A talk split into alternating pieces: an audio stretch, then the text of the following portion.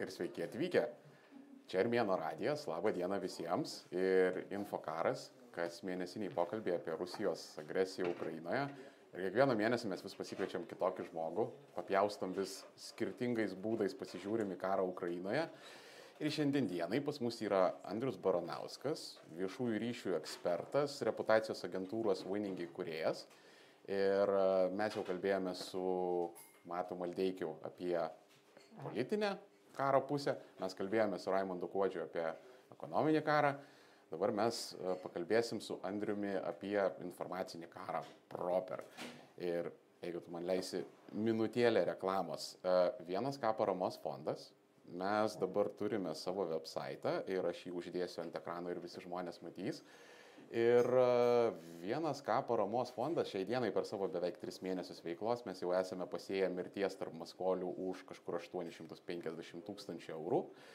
Ir kadangi pas mus yra dabar šaunus nuostabus puslapis, kur galima aukoti be problemų su internetinė bankininkystė, su kripto, ko tik tai norite, aš jūs raginu, jeigu jūs dar turite noro pinigų ir galimybių, prašome atsiųsti savo lėšas mums, kad uh, Ukraina tiesiog skambėtų nuo klykiančių okupantų šventoji Ukrainos žemė.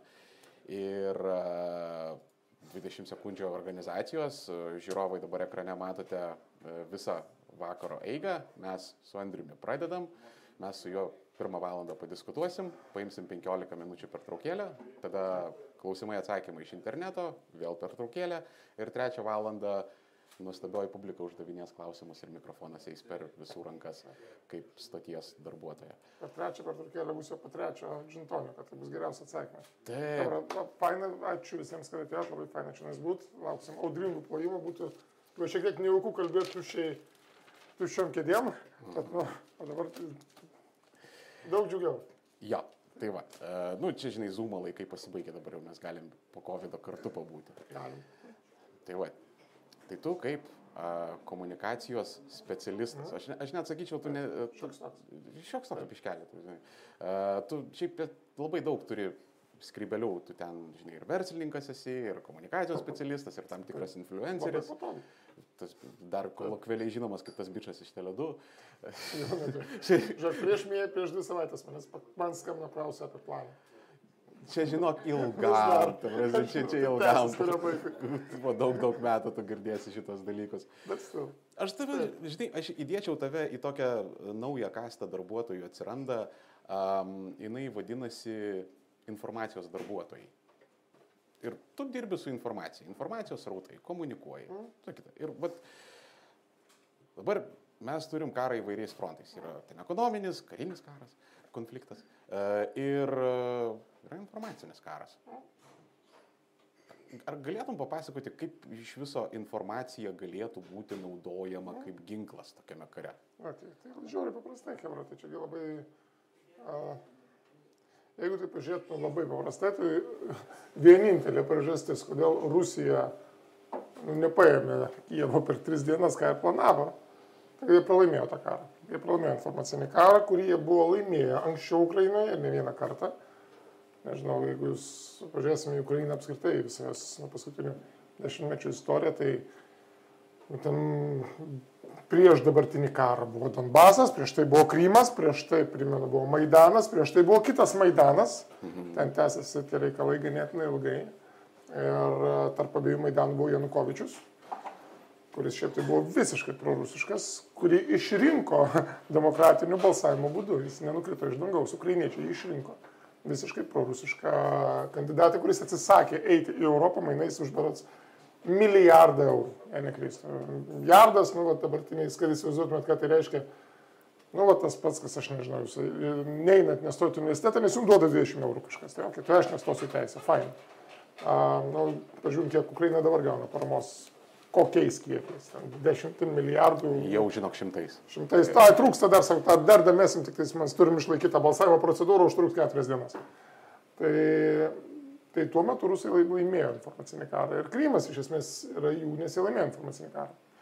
Kryme, jeigu žiūrėsim, kas vyko, mums patinka tai ar nepatinka, bet ten nebuvo šaudimų. Ten buvo gal kažkas biški pašaudė, bet netyčia ten didžiausias karinis žygis tai buvo ukrainiečių kariuomenės kolonos žygiavimas su daina. Prieš rusų kareivius. Tai jie žygiavo su vėliava ir su daina. Niekas nešaudė, niekas nesipriešino, rusai ten užėmė per kelias dienas. Jie tikėjosi pakartoti tą patį ir jie to nepadarė tik dėl to, kad jie tą karą pralaimėjo.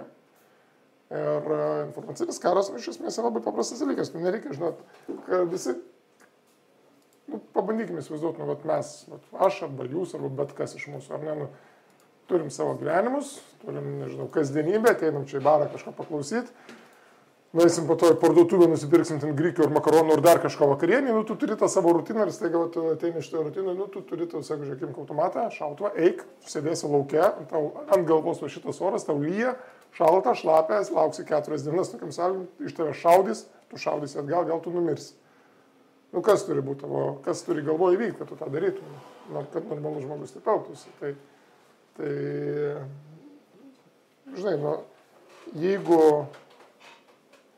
jeigu rusai būtų įtikinę ukrainiečius, kad it's ok, kad jie ateina, nieko čia blogo nebus, tai niekas nebūtų labai priešinęs, arba daug mažiau būtų to pasipriešinę, arba būtų daug greičiau veikę.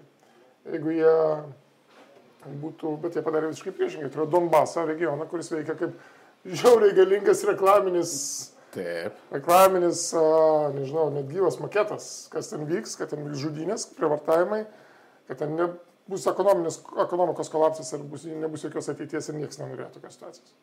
Ir, kad, ir labiausiai, kad ten bus savivalė. Ir uh, iš esmės informacinio karo tikslas yra visada padaryti, kad tu nesipriešintum, kad tu neturėtum noro iš esmės priešintis. Ir tai nėra šių dienų išradimas. Nu, jeigu jūs pažiūrėsit, nu, kaip mongolai. Mes čia girdim apie tai, kaip mongolai mongolų orda visus žudydavo ir pjaudavo. Mongolų orda taip visus žudydavo ir pjaudavo, su sąlyga, kad miestas nepasiduoda per berots tris dienas. Mhm. Tada išpjauna, tada eina prie kito miesto. Kaip manot, ką, ką galvoja kitas miestas? Jam irgi sako, žiūrėk, trys dienas. Kokia tikimybė, kad jie pasiduos? Yeah.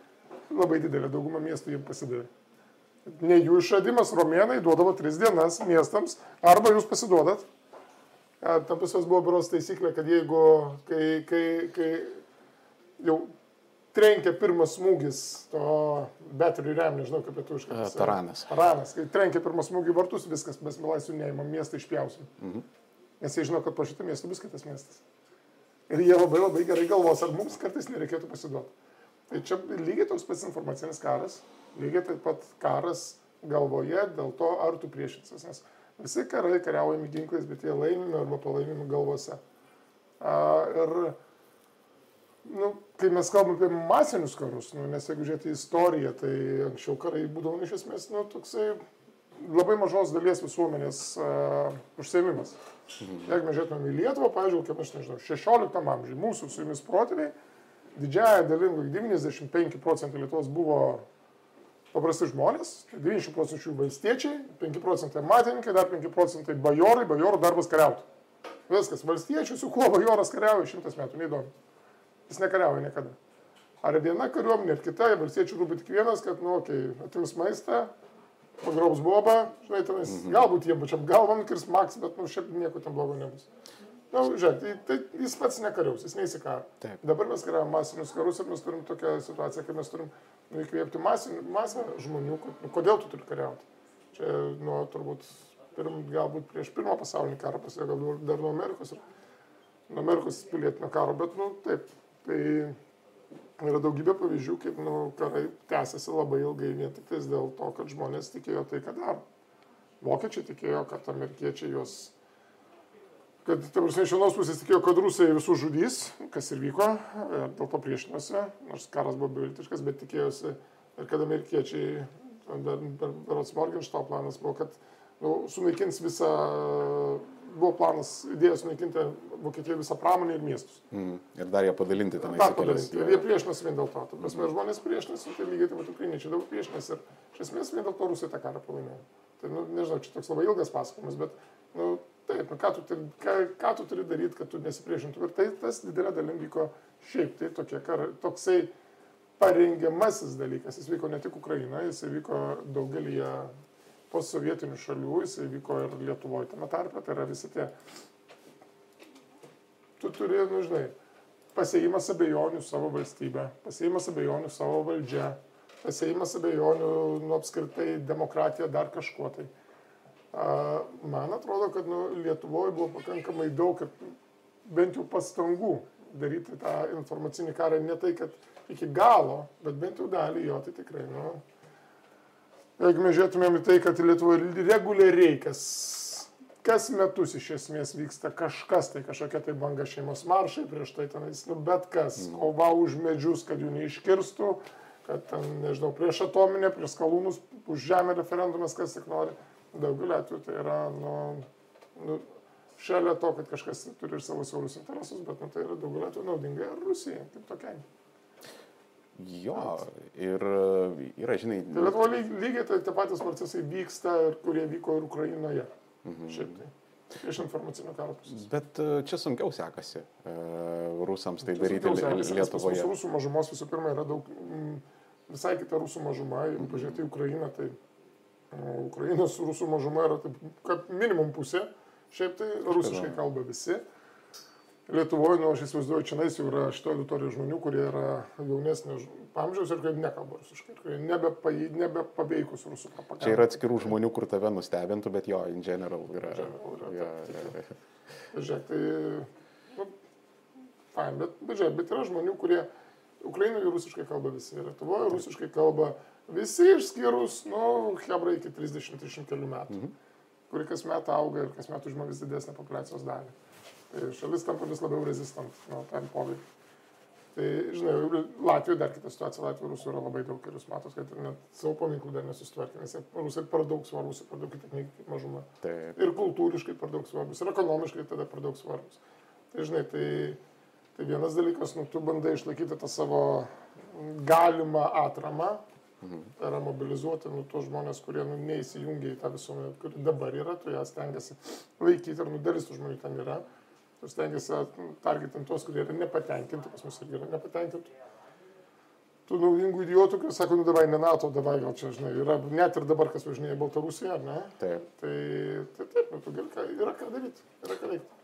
O gerai, o jeigu taip pasižiūrint į patį, kaip Rusijai sekasi tavo nuomonė kariauti tą informacinį karą, kaip tau atrodo? Nu, tokia, žinai, ekspertinė. Bet depends, žinai, tu prasme sakau, istoriškai sekasi labai įvairiai. Hebra, tai, nu, dar kartą, Lietuva buvo inkorporuota, galų galiai irgi informacinis karas baigėsi to, kad mes pralaimėjome ir mes tapom Sovietų sąjungos dalis. Ja. Šiaip tai. Tai prasme, irgi niekas nešaudė ir niekas nesipriešino. Antrą kartą Rusijos imperijoje. Ir irgi lygiai taip pat. Niekas nešaudė, niekas nesipriešino. A, pirmą kartą buvo šiek tiek kitaip, tai, nebuvo, tai nereikėjo to informacinio labiau karo, ten atsibašliavo Seimui, bet, bet antrą kartą tai buvo būtent taip. Ir, ta prasme, jeigu pažiūrėti tą tarputkario Lietuvos istoriją, tai Rusijos propaganda buvo ypatingai stipri ir važinėjimas į tą Sovietų sąjungą, istorijų pasakojimas apie, apie tai, kokia čia nuostabi šalis buvo ypatingai svarbi. Tai taip, tai tada jie laimėjo tą karą. Kaip dabar sekasi? Nu, tai dabar jiems sekasi daugeliu atveju, aš manau, jiems sekasi geriau, negu mes norėtume, kad jiems sektųsi. Šiaip tai. Jie dabar patyrė triuškinantį smūgį pastaraisiais mėnesiais, bet iš esmės dėl to, kad jie peržengė ribą ir dėl to, kad visi tritino juos, kad jie peržengė ribą, bet jeigu žiūrėti į Rusiją, nu, nežinau, praeitą pastarąjį dešimtmetį, tai jiems informacinis karas, nu, tarsi buvo jų laimėjimai šitam kare buvo absoliučiai neproporcingi jų realiai galiai, ekonominiai galiai pasaulyje. Prasme, jie informaciniam kare buvo, jeigu ekonomikoje jie yra kiek 2 procentai pasaulio. Mažiau netgi. Mažiau 1,8 procentų pasaulio BVP, tai jie yra, nu, top, nežinau, 25 valstybė, Tai informaciniam kare, aš sakyčiau, jie buvo top 3 valstybės šalia Kinijos ir Amerikos. Mhm.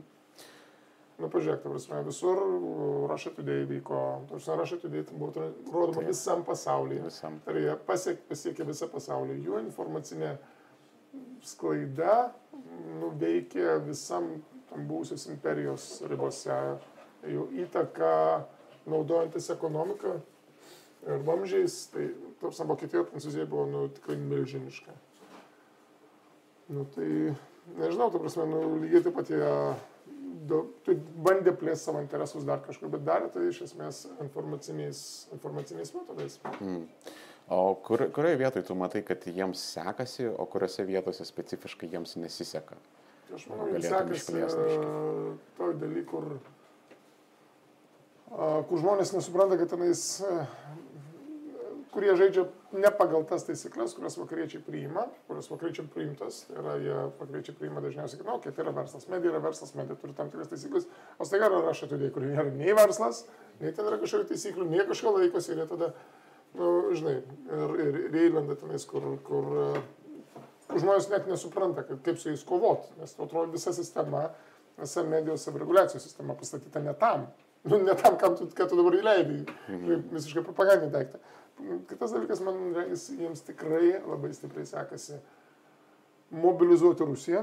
Rusija iš tikrųjų yra labai stipriai mobilizuota, pati visuomenė ir su stipriai dėja praplautom smegenim ir nepaisant to, kad nu, tarsi yra lengva sakyti, kad tokie okay, visi jie zombiai, dar kažkokie, hebra, nu tai visi zombiai buvo Vokietijoje, važiuokime Vokietiją dabar, tai visi zombiai buvo, taip žinai, visos, visos šalis praeina vienaip ar kitaip tą imperinį etapą visas ten kažkur tai buvo, nu, tai žinai, tai Lietuva turėjo santykius su Lenkija prieš karą. Tai, tai ne vienas Lenkijos turbūt nelabai būtų ką gero pasakęs apie lietuvius ir lietuviai dar net senai pradėjo gerai žodžiais tik atsiliepti apie Lenkus. Šiaip tai, tai tiek truko. Mhm. Tai, tai žinai, tai, tai vidinė mobilizacija yra ypatingai stipri. Aš manau, kad išskyrus galbūt pakankamai nedidelę visuomenės grupę, nes jie didžiąją visuomenės dalį padengia su su medijom, medijos yra visiškai kontroliuojamos, iš esmės nėra alternatyvios informacijos, nu, tai tu negali įsivaizduoti pasaulio kitokio. Tai jeigu tau visą, jeigu tau visą laiką rodo, žinai, kad nu, ne gaublio, pusę gaublio, kuris yra perpjautas, rodo, kad taip yra, nu, tai ir, ir, ir aplinka aplink jų sukusi žvaigždės ir planetos. Mhm. Nu, tai žinai, tai ten turbūt daugiau bus praterterių toj teritorijoj, nu, nes nebus kitos alternatyvos, niekas ten nepasakys, žiūrėk, žemė taip toli. Aš tik taip, žinai, pridėčiau nuo savęs, kad gal uh, aš matau ne kiek, kad daug yra mobilizacijos, bet daugiau tos uh, demobilizacijos, nes jie labai gerai veikia, jie puikiai taip mobilizuoja zombiną, bet man atrodo, Putino propagandos jėga yra tame, kad jis didžiąją visuomenės dalį visiškai supainiojo su balamutina ir jie tada pasilieka namuose. Bet čia propagandos esmė yra. Propagandos mm. esmė yra, kad nu, tau pasak, sukelt abejonę, vienas dalykas, ir, ir visą laiką ras pateisimų, kodėl tu esi toks. Prasme, nu, žinai, nu, prasme, pasaulis šiaip yra ganėtinai paprastas. Yra, dažniausiai balti dalykai yra balti dalykai, juodi dalykai yra juodi dalykai. Yra blogi dalykai, yra geri dalykai. Kai mes pradedam abijoti, okay, gal jis yra blogas, nes jisai ten vaikystėje kažką kentė. Ok, nu gal, bet, žiūrėk, bet dabar jis nužudė žmogų. Ja. Tegul eina sėdi kalėjime. Nu, tiesiog taip veikia. Nu, tai žinai, tai... Ir ten tegul reflektuoja, kaip jis vaikystėje buvo blogai, nu, sorry, gaila žmogus, bet skil to labiau gaila dar. Tai žinai, tai, tai taip jie tą daro, bet kartu jie ir mobilizuoja, kartu jie pabrėžia, ai labai aiškiai rodo priešą, vakarai yra priešas, labai aiškiai rodo opoziciją, kad štai esame mes ir kūrė tą įspūdį, kad nu, mes vis tiek esame geresni, ir tam randa būdų paaiškinti, kodėl jie yra geresni, ir dvasingumas, ir kas tik nori ten vitrasai išeina. Bet tam pergalę vidau jie tikrai pasiekė. Kitas, trečias dalykas, kuris, man klausimas, kas jiems sekasi, man atrodo, jiems labai gerai sekasi įtaka buvusiuose sovietinio bloko teritorijose. Mhm. Ir, ir didelė dalim tai yra informacinė, irgi informacinio karo pasiekmė. Ir tas traukėsi. Nu, vat, aš, pavyzdžiui, atsimenu, kad aš buvau Kazakstane. Ten ten yra kazachų nacionalistų, kurie, nu, vat, sako, aš esu kazachas nacionalistas, man dabar didžiausia gėda, aš nemoku kazachų kalbos. Taip, nes ten nu, rusifikacija vyko iki tokio lygio. Bet etniniai kazachai. Etniniai kazachai. Etninis kazachas, okay. mama kazachė, tai tėvas kazachas, susitiko Maskvoje, kur abu mokėsi ten. Susitokė, grįžo namo, jau buvo įpratę kalbėti rusiškai, vaikas jau kalba rusiškai, turės ateitį, žinai, čia ne, ne mūsų avulio, o štai, nu ir ką vaikas sako, taip aš dabar mokus kazachų kalbą. Ir jie perės prie latinicos, tai yra prie latiniško, latiniško mhm. rašmenų, nuo kirilicos. Tai užtruks, bet tai irgi yra būdas išeidinėti iš tos įtakos teritorijos, bet dar kol kas nelabai stipriai ir didelė dalim dėl to, nu, tos šalis daug sunkiau manevruoja, bet dabar jas ir, ir jos kažkiek bijo dar Kinijos. Tai klausimas, ko jos bijo labiau dabar. Tai taip, aš manau, kad nu, čia tokios trys didžiausios pergalės. Mhm. Nu, turbūt dar kas, kas jiems yra pavykę, tai jie vis dar stengiasi būti priimti kaip viena iš didžiųjų pasaulio galių, su kuria reikia skaitytis ir kuri lemia pasaulio likimą. Na, tai yra Amerika, Europa plačiaja prasme, kažkiek Britai, Britai atskirai, Kinai ir mes Rusija. Mhm. Lygiai verčiai. Mes turim, taip, mes turim atominę bombą, mes turim didžiulę kariuomenę, daug tankų, mes turim dar kažką, tai mes turim... Baletą. Tokie dideli. Staiga paaiškėjo, kad tankų turi mažai, jau dabar daug mažiau, ir vat ar, dažnai tada visi klausia, okei, okay, jeigu su tankais, taip, tai palauk, gal jūsų ir raketos ne iki galo nuskris. Ir čia labai rimtas klausimas, niekas nežino, kaip ten skris. Um, bet taip, tai didžia, vienas iš tų laimėjimų ir buvo, kad po pralaimėto šaltojo karo jie liko prie didžiųjų valstybių stalo.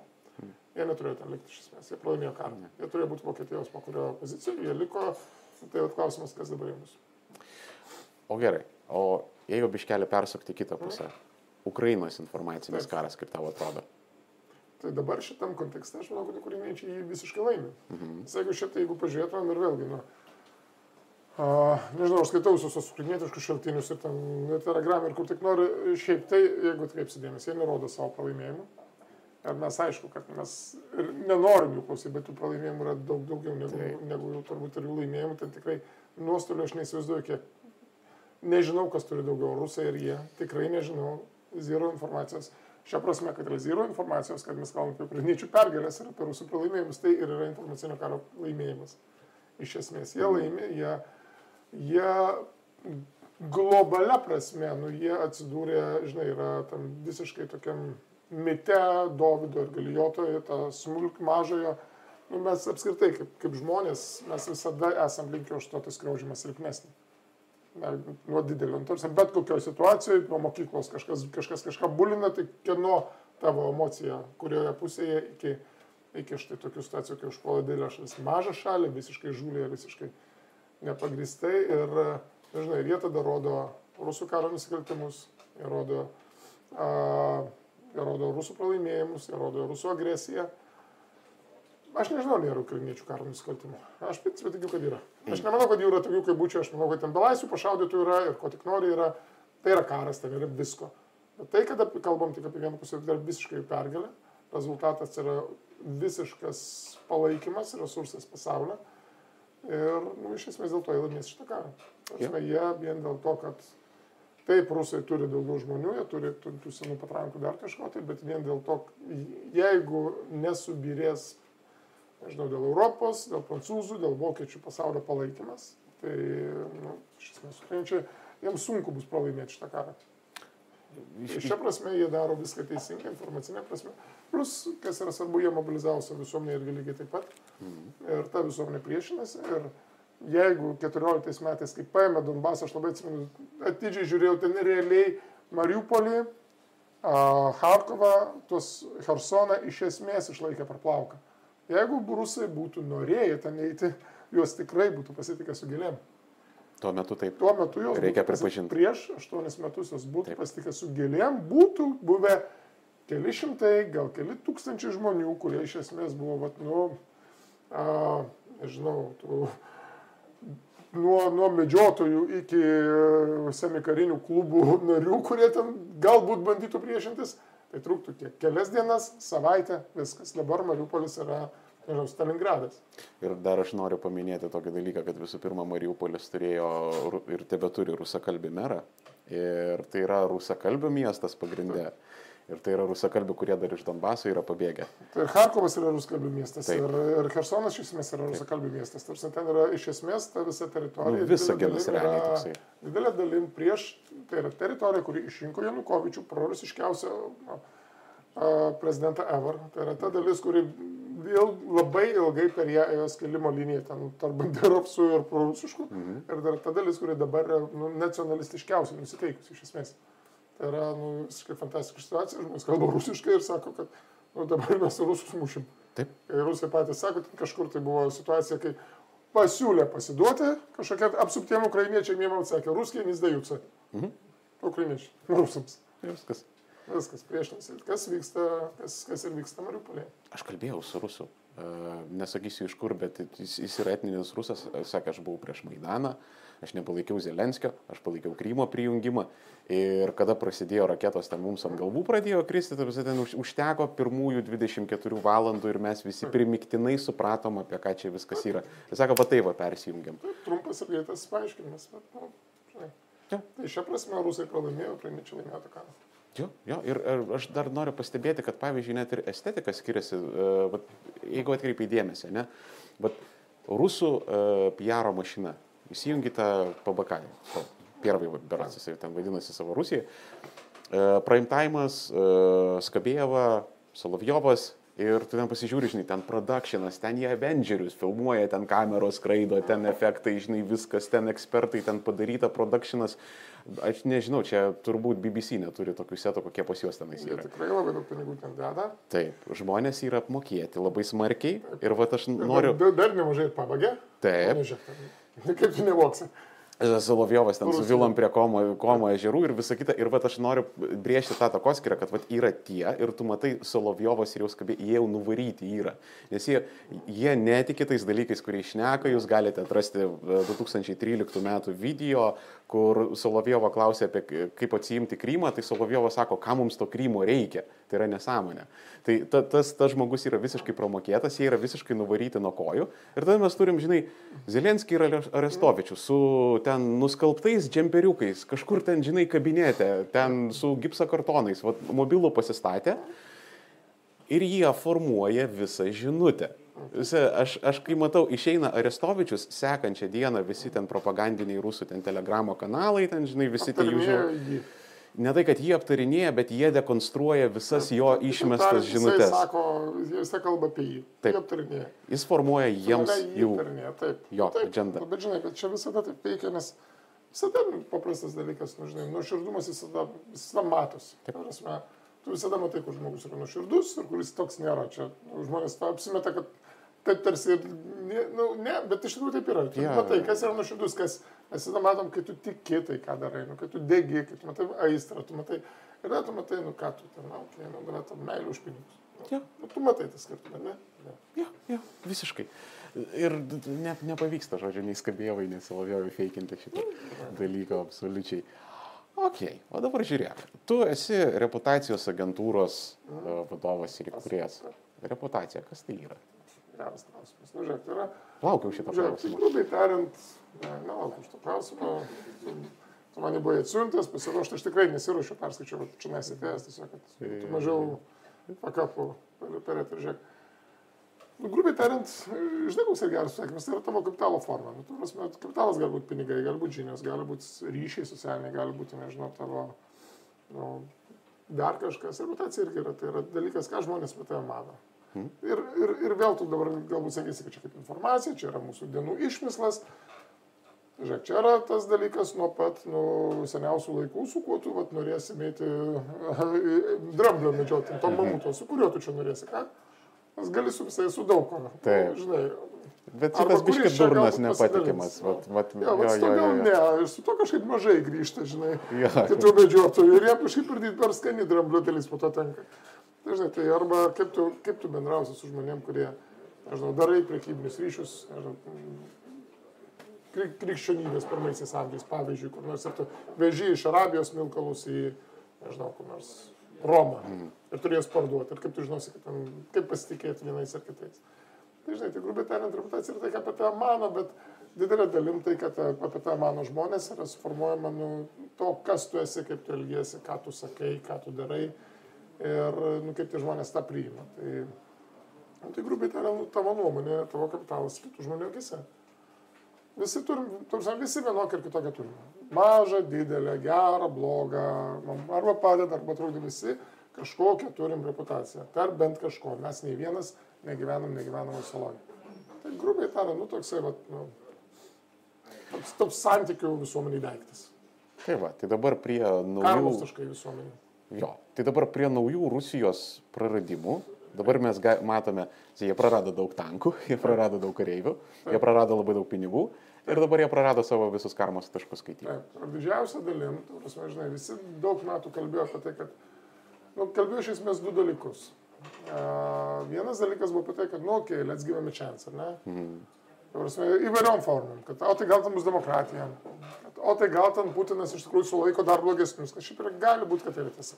Gali būti. Vietoj jo jis dar blogesni, čia daug kur. Ar, ar, arba žmonės sako, gal Navalnas bus dar blogesnis, Aha. čia atsisako, kad jis bus blogesnis. Prasme, arba dar kažką, tai arba kad jis neleidžia Rusijos subirėti, arba kad jis ant tvarko laiko. Tai čia yra viena ta dalis, kas gyvame čia. Kita dalis buvo, na, jie dideli ir jie baisus. Yeah. Ar net ar ta meška, nu, pažiūrėjit, kaip Rusija filmuoja. Nu, bet kokioj, net į karikatūroj, rodoma, net ir moderniais laikais, didelis meškinas. Taip. Nu, ne, nėra, tu ratu didelis meštas, tu esi didelis, tankų yra daug, bet, nu, nu, ten Ukraina, kuri šalis, kuri kariuomenė, nu, nu, aš net nemoku pasakyti, tarsi jų kariuomenė buvo turbūt labiausiai sugriauta kariuomenė po, po sovietmečio žlugimo, tiek dėl korupcijos visiškai beprotiškos, tiek dėl dar kažko. Tai, Jie dar labai daug Nežinau, savo kariuomenės filmą? atsisakė taip, patys ten yra tas filmas Karo dievas, ar ne? Nežinau, turbūt kas matė apie tą narkotikų iš tą ginklų prekeivių, ir kaip jisai tenais veža ginklus laivais į Afriką, tai šiaip tai čia klasikinis tas bet Visa Perka iš generolų, iš kokio generolo, atsakymus iš Ukrainos Visa generolų. Afrika 90-aisiais kariavo būtent dėl to. Sovietmečių žlugo ir praporšikai pradėjo tiesiog Generolai pradėjo ir kariavo ukrainietiškais ginklais, ukrainietiškais tankais ir panašiai.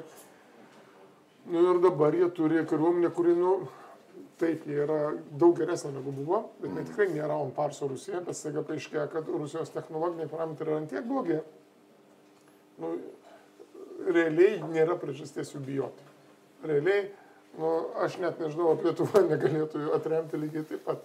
Ar Lietuva nelabai. Sunkiau, bet žiūrėk, bet tai nebūtų taip, ta prasme, žiūrėk, prieš labai daug metų čia pas mus turėjom naratyvą, kad Rusija užims Lietuvą per kiek Kelias laiko? valandas ten. Per kelias valandas, kiek laiko reikia čia pravažiuoti, nu tai ten kažkas skaičiuodavo, kad nu, daugiau daugiausiai 36 valandas. Mhm. Aš nemanau, aš manau, kad, nu žiūrėk, ta prasme, Ukrainoje jie 150 km nuvažiavo per kiek laiko? Per 3 mėnesius ir važiuot gal Lietuva nu vis tiek turi dar 150 km? Mm.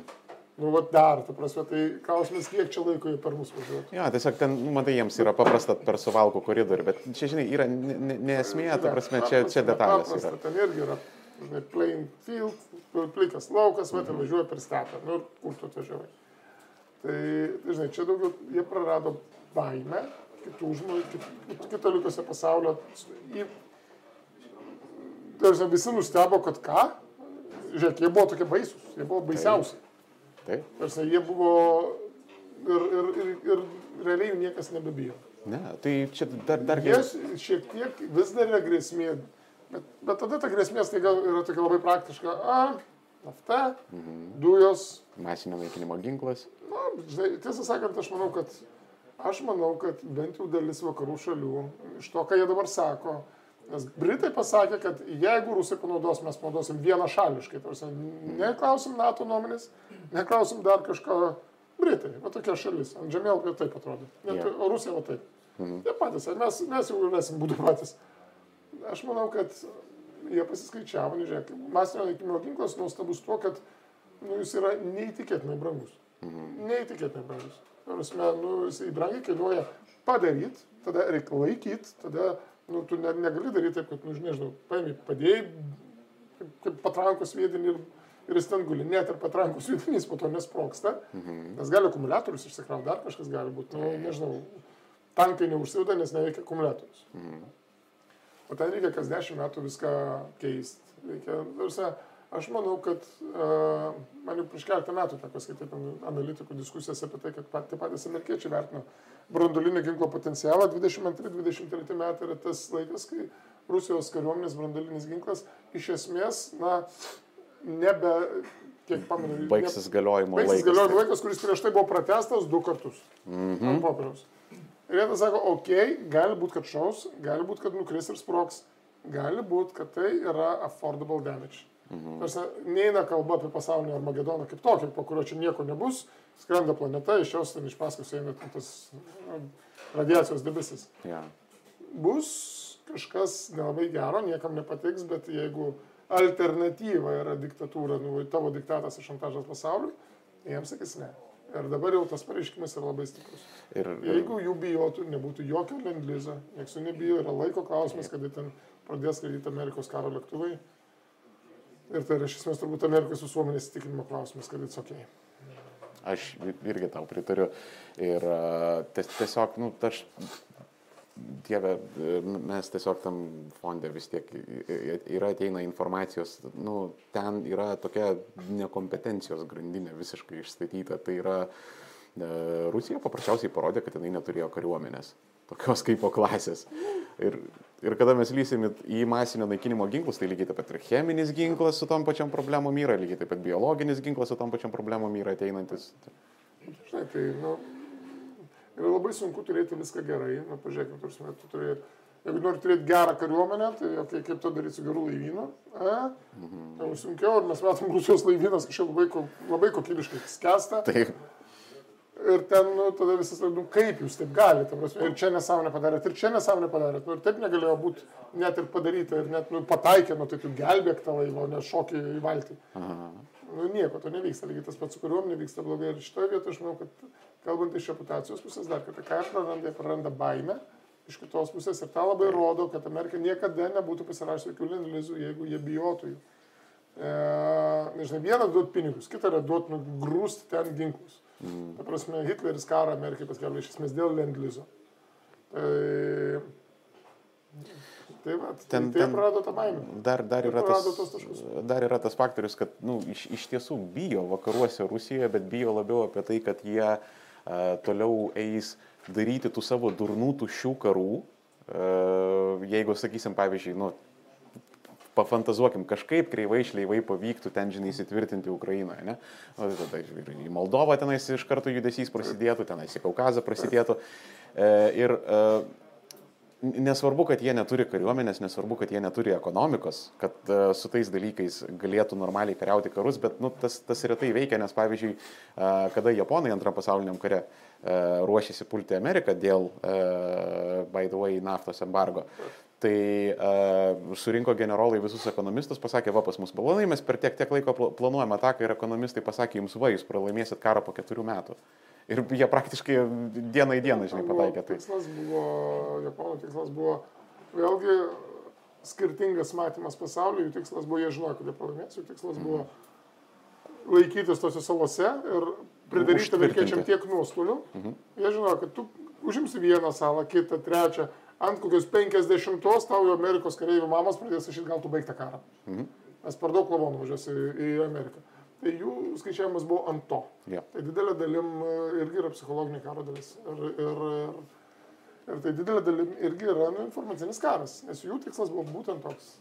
Pridaryti nepakeliamų nuostolių Nes jie mane, kad demokratija kaip tokia, nu, tiesiog negali tų nuostolių pakelti. Jo, jo, tai, tai aš, aš sutinku, aš tiesiog e, labiau lenkiau link to, kad uh, karai nebūtinai yra, žinai, racionalūs, kad nebūtinai ten, žinai, viskas yra pasveria. Tai, prasme, Putinas galėjo, uh, įsitvirtinęs Ukrainoje, jis galėjo regione siautėti ilgai, ilgai, ten galėjo tokia, žinai, Jugoslavijos karų, žinai, tokia virtinė ištisa galėjo būti, ir nes uh, aš, aš dar turiu tokią teoriją, kad vienas dalykas uh, iš karo, kas uh, išeina naudingo Putino režimui, nors jie nu, viską padarė blogai, ta prasme dabar jau ir Suomija, ir Švedija į NATO jungiasi, NATO išsiplėtė, Ukraina susivienijo, davė priešingų rezultatų, bet uh, kitas dalykas, karas yra labai patogu vat, jau tu minėjai, mobilizuoti visuomenę ir tuo pat metu tvarkyti su savo vidiniais priešais kažkokias, žinai, nepopuliarias ten reformas prastuminėti. Tai mano galva, jeigu jis būtų, jeigu jam ta varkė būtų pavažiavus, jis tiesiog būtų nuolat kažkur kažką daręs. Tai man atrodo, bet vakarai labiausiai to bijo. Čia galbūt ne taip buvo. Čia galbūt, žinai,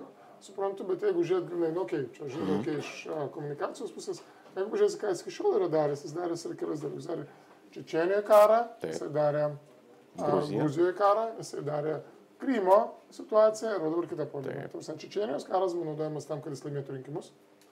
Gruzijos karas iš esmės buvo naudojamas būstinti imidžą. Krymas ir Donbasas buvo tam, kad užbūsintų vėl palaikymą ir tikrai ir visus kartus tai suveikia visada, viduje tai suveikia. Vidiniai, vidiniai, ir jeigu jisai dabar būtų iš tikrųjų per tris dienas paėmęs Kyivą, kaip jis ir planavo, mhm. ir jeigu jie iš tikrųjų būtų padarę tą darbą iki tol, ir, prasme, jeigu jie nu, nebūtų susifakapinę su Donbasu. Jeigu tai būtų įvykę, tarsi, jis dabar Rusijoje būtų nešiojamas ant rankų literaliai. Tai. Prasme, nes tik toks planas ir buvo. Tada vėl būtų pertrauko kokių 5-6 metų, tada kažkoks blitzkrygas, kažkas labai greito, dar kažkur, gal pas mus, gal Moldovai, gal kokia Latvijoje. Armėnija visai vietoje yra. Jiems tai nepavyko, dabar iš esmės čia buvo didžiausias apsiskaičiavimas, jisai negali nu, daryti kažko tai ilgai. Tas, ta sistema veikia tokia darai greitai. Mhm. Nes iš esmės tai yra skirta. Nu, ir kai tau nesipriešina. Tau nesipriešina, ja, nu, nes taiga pasirodo, kad tu gali kariauti tik tada, kai tave nešaudo. Bet čia tikslas niekada nebuvo, nu, karas kaip karas. Čia mhm. tikslas visada buvo sutvirtinti savo asmeninę valdžią, sutvirtinti savo ratą ir viskas. Ir, ir Aš manau, kad jie labai norėtų iš to karo išeiti, nes nėra būdo jiems laimėti karą. Net ir laimėję, jie turės kažką daryti su tais kalnais lavonų.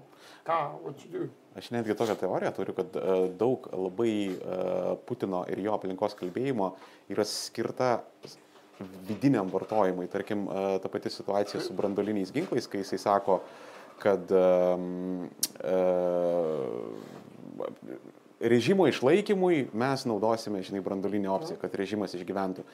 Tai uh, šitas dalykas, šitas Rusijoje vaikšto toksai sentimentas, toks labai atsargus sentimentas, kad galbūt jisai čia apie mus šneka, kad jeigu mes sukiltume, tai jisai, nes, nu, jisai savo valstybės viduje kokią, žinai, ištra, ištraukia nedidelę, žinai, ten taktinę galvutę.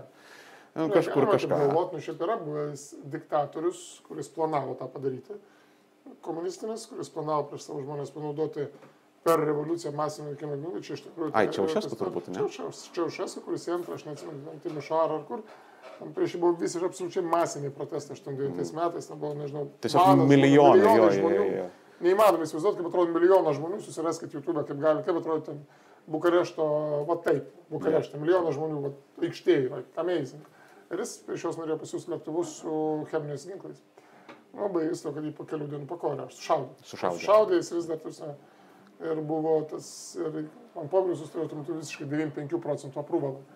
Tai aš nemanau, kad jie naudos viduje, čia daugiau, žinai, tai taip, Jo, jo, čia, yra, čia yra daug pasakojimų ir vidaus auditorija, ir išorės. Prasme, Jisai, jisai kaip, a, žinai, yra įdomus dalykas, kad diktatūroje palaikymas politinis, tarsi masės palaikymas, yra iš esmės svarbesnis negu demokratijoje.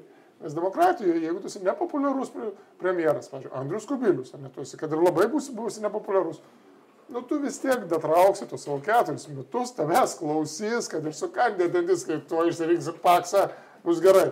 Nu bet ką, dabar tu esi diktatorius. Dabar tu tenais pats nu, tas taisyklės išmeti pro langą. Mhm. Vienintelis dalykas, kuriuo tu gali sakyti, tai tauta mane myli, bet dabar tu tai šiandien gatvėje, tai Hebras sako, tai tauta tavęs nemyli. Mhm. Ir jie žino, kad tu eisi, jeigu jie išeis pro langą su tavim, jeigu tu tai nemylės. Prasme, diktatūrose, apskritai, absol- nu, monarchijose, nu, sostiniai užtenka, nu, visos revoliucijos vyksta sostinėse. Taip. Išeina liaudis ir out. De demokratijose tas yra neįmanoma. Tai šia prasme Putinui liaudės aprūvalas, reitingas, jis reikalingas ne tam, kad jam faina.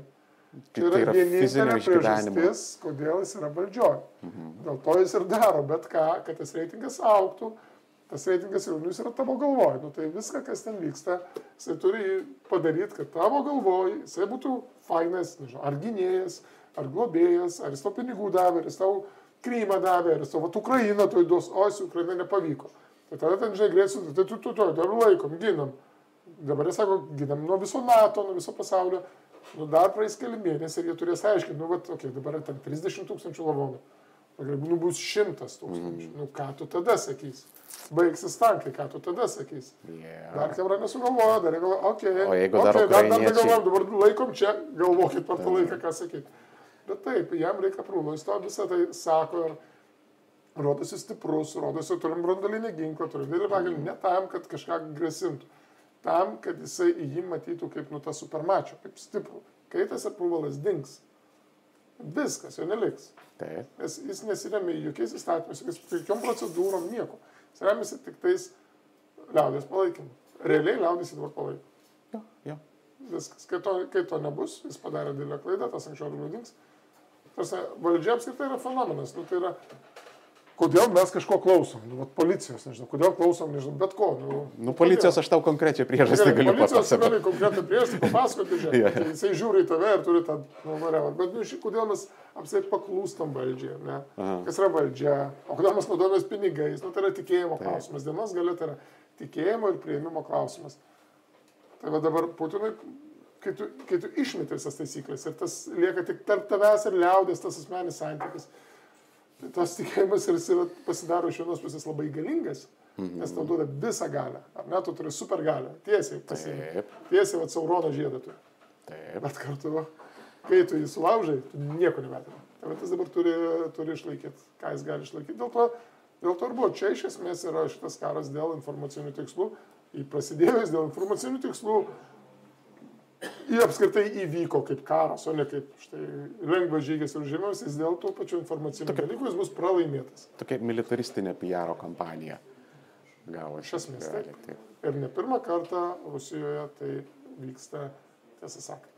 Nu va. Tai va, Mes turim tą pertrauką. Taip, ir ta pozityvia kaida mes 15 Pertraukas. minučių pertraukaujam ir grįžtam. Tu nepulk atsakinėti. Jo. Nes ne Tai tau. grįžom į infokarą. Taip. Sveikas, vėl Andriu. Uh, klausimai atsakymai sesija pas mus yra iš Tai mums interneto. siunčia klausimus ar atsakymus. Ir klausimus ir atsakymus pagal priklauso nuo Patreono tyro. Iš Patreono pirmas klausimas Aurimas. E, Senato rinkimams artėjant abortų klausimo nutekinimas JAF informacinėje erdvėje pastumė karą Ukrainoje į šalį.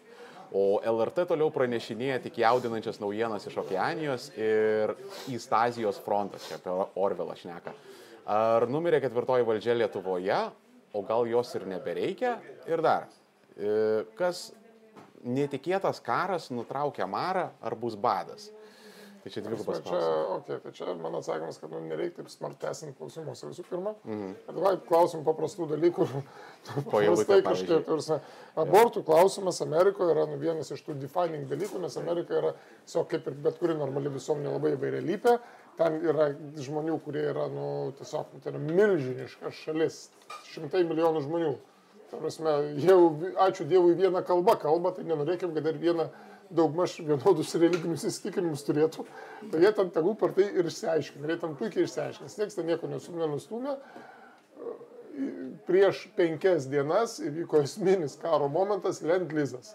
Ta prasme, ar nuo to pradėjo daugiau rodyti reportažų per televizorių apie Ameriką, ar mažiau, niekam neįdomu. Ta prasme, Amerikoje sprendimas dėl karo yra priimtas, tau nebereikia diskutuoti dėl priimtų sprendimų. Tu eini kitų reikalų spręsti. Mhm. Viskas. Nu, nusprendžiu, nu, bet tu nebekal, nebediskutuoji apie tai. Tai viskas tą baigia. Ketvirtoji valdžia Lietuvoje veikia puikiai, viskas su ja yra gerai, žiniasklaida yra normali, stipri ir gera. Tarsi kaip ir visi, bet kokios rytis, taip mes galim turėti pretenzijų ir klausimų, tarsi, bet lygiai taip pat pretenzijų ir klausimų tu gali turėti bet kam, pradedant elektros tiekėjui ir baigiant, nežinau, nu, jis Tele2? tikriausiai negirdi šitam barui. Nu, tik aišku, kai išeini Pritilo kažkaip. pritila, tarsi, žinai, nu, bet kam, nu, tarsi, bet žinai, bet nu, nereikia sureikšminti to iki tokio globalinio lygio ir katastrofinio kažkokio, tai, kad, o čia yra pizdėts ir va dabar čia žlugsim visi, nu ne. Nu, Mes, lygiai mes taip pat, kas ten dar apie karą ir badą, taip gali būti pasaulyje viena iš pasiekmių to, kas vyksta Ukrainoje, tai yra, kad bus sumažės grūdų eksportas. Mes esame turėję tokią patirtį, jeigu ką, prieš arabų pavasarį. Sumažėjus grūdų eksportui dėl gaisrų Rusijoje ar dėl kažko tenais, ir ten buvo reikalai, tiesiog sumažėjo grūdų eksportas. Ir labą dieną, kadangi arabų visuomenės veikia taip, kad ten tiesiog pakilo grūdų kainos visam pasaulyje, arabų, arabų visuomenės nebegalėjo savo gyventojams kompensuoti maisto kainų, kadangi jos veikia taip, kad yra na, valdančioji labai nedidelė mažuma a, turi ekonominius resursus ir kad laikytų maždaug patenkintus gyventojus, nu, bent bišk toliau nuo sukilimo, tai duoda jiems bent valgyti. Yra kompensuoja maistą, nebegalėjo kompensuoti. Labą dieną, viso gero, buvo arabų pavasaris iš esmės didelė dalim kilo ir dėl to, nes maža to, kad žmonės buvo jauni, be ateities, maža to, kad jie buvo nusivylę, tai dar staigiai tapo relkani. Ir, ir jie neturėjo iš ko nusipirkti. Ir, ir aš ir jūs būtumėm išėję irgi į gatves. Ir, ir turbūt tik tais, nu, čia būtų pirmas žingsnis, kai išėjote gatves, kai neturi ką valgyti. Tai taip tas gali būti, bet, nu, bet čia yra vienas iš tų dalykų, kas, kas gali būti. Mes nežinom, ar bus. Okay, aš irgi tau pilnai pritarčiau. Tai, ta prasme, man atrodo, čia tiesiog bus įdomus dešimtmetis ir reikia nusiteikti. Na, žinok, visi buvo įdomus iki šiol. Jeigu tu gali pažiūrėjęs, nu, kada buvo neįdomus. Vieni įdomesni už kitus. Ne, kada čia buvo neįdomūs? Banguoja. Nu, tarkim, kada? jeigu tai paimti kokius, jeigu taip globaliai, kažkur va, tas 50 Jeigu taip globaliai, tai taip, jeigu tai taip, taip palauktum, važiuoju, įdomus dešimtmečiai, tarsi, mm. kas tenais, tarsi seksualinė revoliucija, kuri ryšiaipino visuomenę kaip tokią, mm -hmm. kuri, vat, nu, moteris gali, nu, nežinau, sėdėti čia barė su mumis. Bet kontrkultūra iš 60-ųjų pabaigą prasidėjo. Na, nu, bet, žinai, we didn't start the fire, uh, seniai prisimins. Uh, sekantis, tada pas mus klausimas yra, kas yra lawyeris, čia kuodžia tema. Ar jautiesi kompetitingas atsakyti? Lojeris, nu, čia yra kodis geriausiai galėtų pasakyti, mm. nu, tai yra, žinai, teisininkas, nu, ir va čia šitoje vietoje kodis, nu, o lojeris tai yra turbūt Jeigu gerbiamas kodis turbūt klausom, turbūt gerbimo kodžio frustracijos šiek tiek nu, išaiška apie, apie, apie tos teisininkus ir jų atliekamą funkciją visuomenėje ir išreiškimą poziciją. Žodžio frustraciją aš neaiškinsiu, čia googlint pats. Mhm. Aš pasakyčiau, kad vat, kaip yra policijos pareigūnas ir yra mentas, kur labai aiškiai takoskira kaip- pagal tai, kaip žmonės daro. Yra teisininkas ir yra lawyeris. Na, nu, žiūrėk, aš tai taip, tiesą sakant, nepulčiau, žiūrėk, šitoje vietoje, davai, mm mes nueinam į radikalizmą, tai davai mes nenueikime. Bet tai faina radikalizmas. Yra, žiūrėk, radikalizmas yra žiauriai faina dalis ir tu visai jautiesi teisus. Jo. Žinai, tam grado lydainį iki to diržo, kur ten pasukęs mygtuką, Taip. skrendi į rojų. Bet tame tarpe būna Bet- kryžių deginimas, ten Jo, vaiduoklių. daug dalykų, bet, prasme, žiūrėk, nu, šitoje vietoje kartais, kartais tai, ką Germas Ramindas man pateikė kaip nuo teisininkų veiklos pavyzdį, kartais tai būna pagrįsta, kartais tai būna tikrai gana anegdotiškas situacijas ir jis galėtų jų nepateikinėti ir ne, a, šiek tiek nesikompromituoti. Tarsi, ten tiesiog, nu, tai vėlgi, kai tu bet, kažką, bet ką pradedi matyti per vieną prizmę, nu, tu už nustoji matyti visą pasaulį plačiau. Tai, nu, siūlau davai nesustoti. Okay, right. Google'as atsako į klausimus, kas yra. ja. Ypač Arba tėtė. Arba tėtė. Praeina. Ar įmanoma išmokti mąstyti, ar tai yra įgimta? Jei įmanoma, ką Andrius uh, proto gebėjimų lavinimui galėtų parekomenduoti? Ok, guys. Tai iš principo, žiūrėkit, tai iš principo įgimta nu, daugeliu rūšių. Čia self-kalbas Ką prasidėjo. Žiūrėk, iš principo įgimta daugeliu rūšių, net ir šuo, žinau, kad moka skaičiuoti iki penkių, principą gali ir išmokti žodžius. Tai, nu, įgimta, nes, nu, tu gimsti su tokiu daiktu ant pečių, į kurį įdėtos akis, o jos prijungtas prie smegenų. Tai smegenimis mes mastom, Taip. tai dėl to tai yra įgimta. o dabar, o dėl, o dėl mąstymo, nu, žiūrėk, tu, tu, prasme, tu, man atrodo, žiūrėk, nu, tai visi masto žmonės, bet nu, man atrodo, kad žiauriai paprastas dalykas, nu, kurį aš šiaip labai dažnai pasakoju, nes yra, žiūrėk, tai yra labai paprasta tokia fenomenas, kad žmonės, a, kai jie turi savo nuomonę, stengiasi jos laikytis. Pavyzdžiui, yra, čia mes daug kartų ten nudroštas tas variantas, kad žmonės, jeigu tu esi altraitas, tu skaitai tik altraitą. Taip. Jeigu tu esi ten, žinai, liber, li, li, liberastas, tu skaitai tik tais liberastų mediją ir tu nesvičini tarp jų, bet žiūrėk, bet ten yra protingų žmonių yra visur, jie yra gali turėti protingų argumentų. Ta prasme, tai, nu, kodėl tu negali skaityti abiejų, kodėl tu negali būti normalus atraitinis liberastas, pavyzdžiui, ne? Why not? Ta prasme, tai, nu, tiesiog, nu, matyti pasaulį kuo plačiau ir neužsidaryti vieno ideologijoje, tai vienintelis būdas. Ir tada, ir, nu, pripažinti, kad tu nesi visur, visur visada teisus, nes kai tu jau tu teisi teisus, kai tu ateini tą teisumo poziciją, tau nebereikia mokytis, tau reikia nieko naujo, nereikia žinoti, tu esi visiškai nušvitime, tu esi kumbajoji tokio tau nieko daugiau nedaryti nebereikia. Galėjai ramiai barą gerti alaus, nes nu, viskas, pasiekė viską. Nu, tai žinai, tai kai kurie žmonės tai pasiekė, nežinau, devintoji klasė jau visą žino apie pasaulį, dvylikto, ten pirmam kursė. Nu. Aš manau, kad čia net nebūtinai yra apie žinias, bet būtent, būtent apie tą mąstymo įgūdį, nu tai vad būtent tai yra Bet jis iš to ateina, tu, tu mastai žiniomis. Tu Jo. nemastai, nu, nežinau, pieštukais. Mm, Nu, tai tu mastai kažkuo, tai kaip tu gausi, kaip tu, jeigu tu visą laiką skaitysi vieną argumentą, vieną, vieną tiesą, vieną dalyką, tarsi, kai šalia yra daug kitų pozicijų, kurios šiaip tai irgi veikia, Mhm. ir čia nu, yra tas nuostabus dalykas, kad nu, jeigu tu, nu gerai, tu nori nuvažiuoti iš Vilnius į Klaipadą, tai šiaip yra, yra vienas kelias, bet yra kitas, dar ir trečias, dar, yra- dar kažkaip gali nukeliauti, yra daug variantų, kaip tu gali ten atsidurti, lygiai taip pat ir nu, visuomenė, nu, yra altraitinė pozicija, yra centristinė pozicija, yra dar kažkas, nu, yra daug skirtingų dalykų. Jie visi veikia, vienai par kitaip, su vienais ar kitais minusais ir su vienais ar kitais pliusais. Ir visi Bet savo bet teisingų dalykų. bet jeigu tu nesinaudoji kažkuo, tai jeigu tu savo atriboji 9 procentų kitų ideologijų arba požiūrių arba faktų, nu, tai apie ką tu gali mąstyti. Mhm. Ir šiaip tai yra labai sunku klausyti to, su kuo tu nesutinki, Klaikiai. Bet jeigu nu, įveikia save, nu, tai va tas įveikimas yra. Toks, žinai, kaip džimas, gaunasi, kai tu save taip apkrauni, tiesiog lygiai taip pat kaip raumo, kada tu jį apkrauni, jis pradeda aukti. Taip, exactly. Ok, tai žodžiu, apkrauk save kaip raumenį. Taip, Skaityk knygas. O čia dabar yra ilgas, tai vaizdingų maršrutų praseisim. E, LRT klausiau lietuvių ambasadoriaus Rusijoje interviu. Šiame interviu ambasadorius minėjo, kad Buvusio nėra. Taip. jo, kad nėra niekur matęs tokios uh, apsiskaičiavusios tautos kaip Rusijoje. Kaip Apsiskaičiavusius. apsis, skaičiusios. Taip. Atsiprašau, man čia biški švieselė šviečia senas, žinai, žmogus esu. E, Kaip pavyzdį pateikė, kad visi metro skaito Tolstojus, Dostojevskis ir taip toliau. Taip. Teatrai, baletai, spektakliai, operos, daug ten šnekėjo apie kultūrą. Kaip tokioje išsilavinusioje tautoje gali būti tiek daug korupcijos, smurto, prievartos, kvailų idėjų? O kaip, tai, o kaip tai gali būti Hitlerio Vokietijoje, kuri buvo nepaprastai išslavinusi tauta? Tuo metu, tuo metu Norvegija tai buvo. tauta. Ta prasme, čia atsakymas šiaip tai vienas iš tų išsilavinimo priežasčių, čia nežinau, ar teko skaityti, yra toksai, labai rekomenduoju, kas, kas žino, yra toksai Kamil Galiev.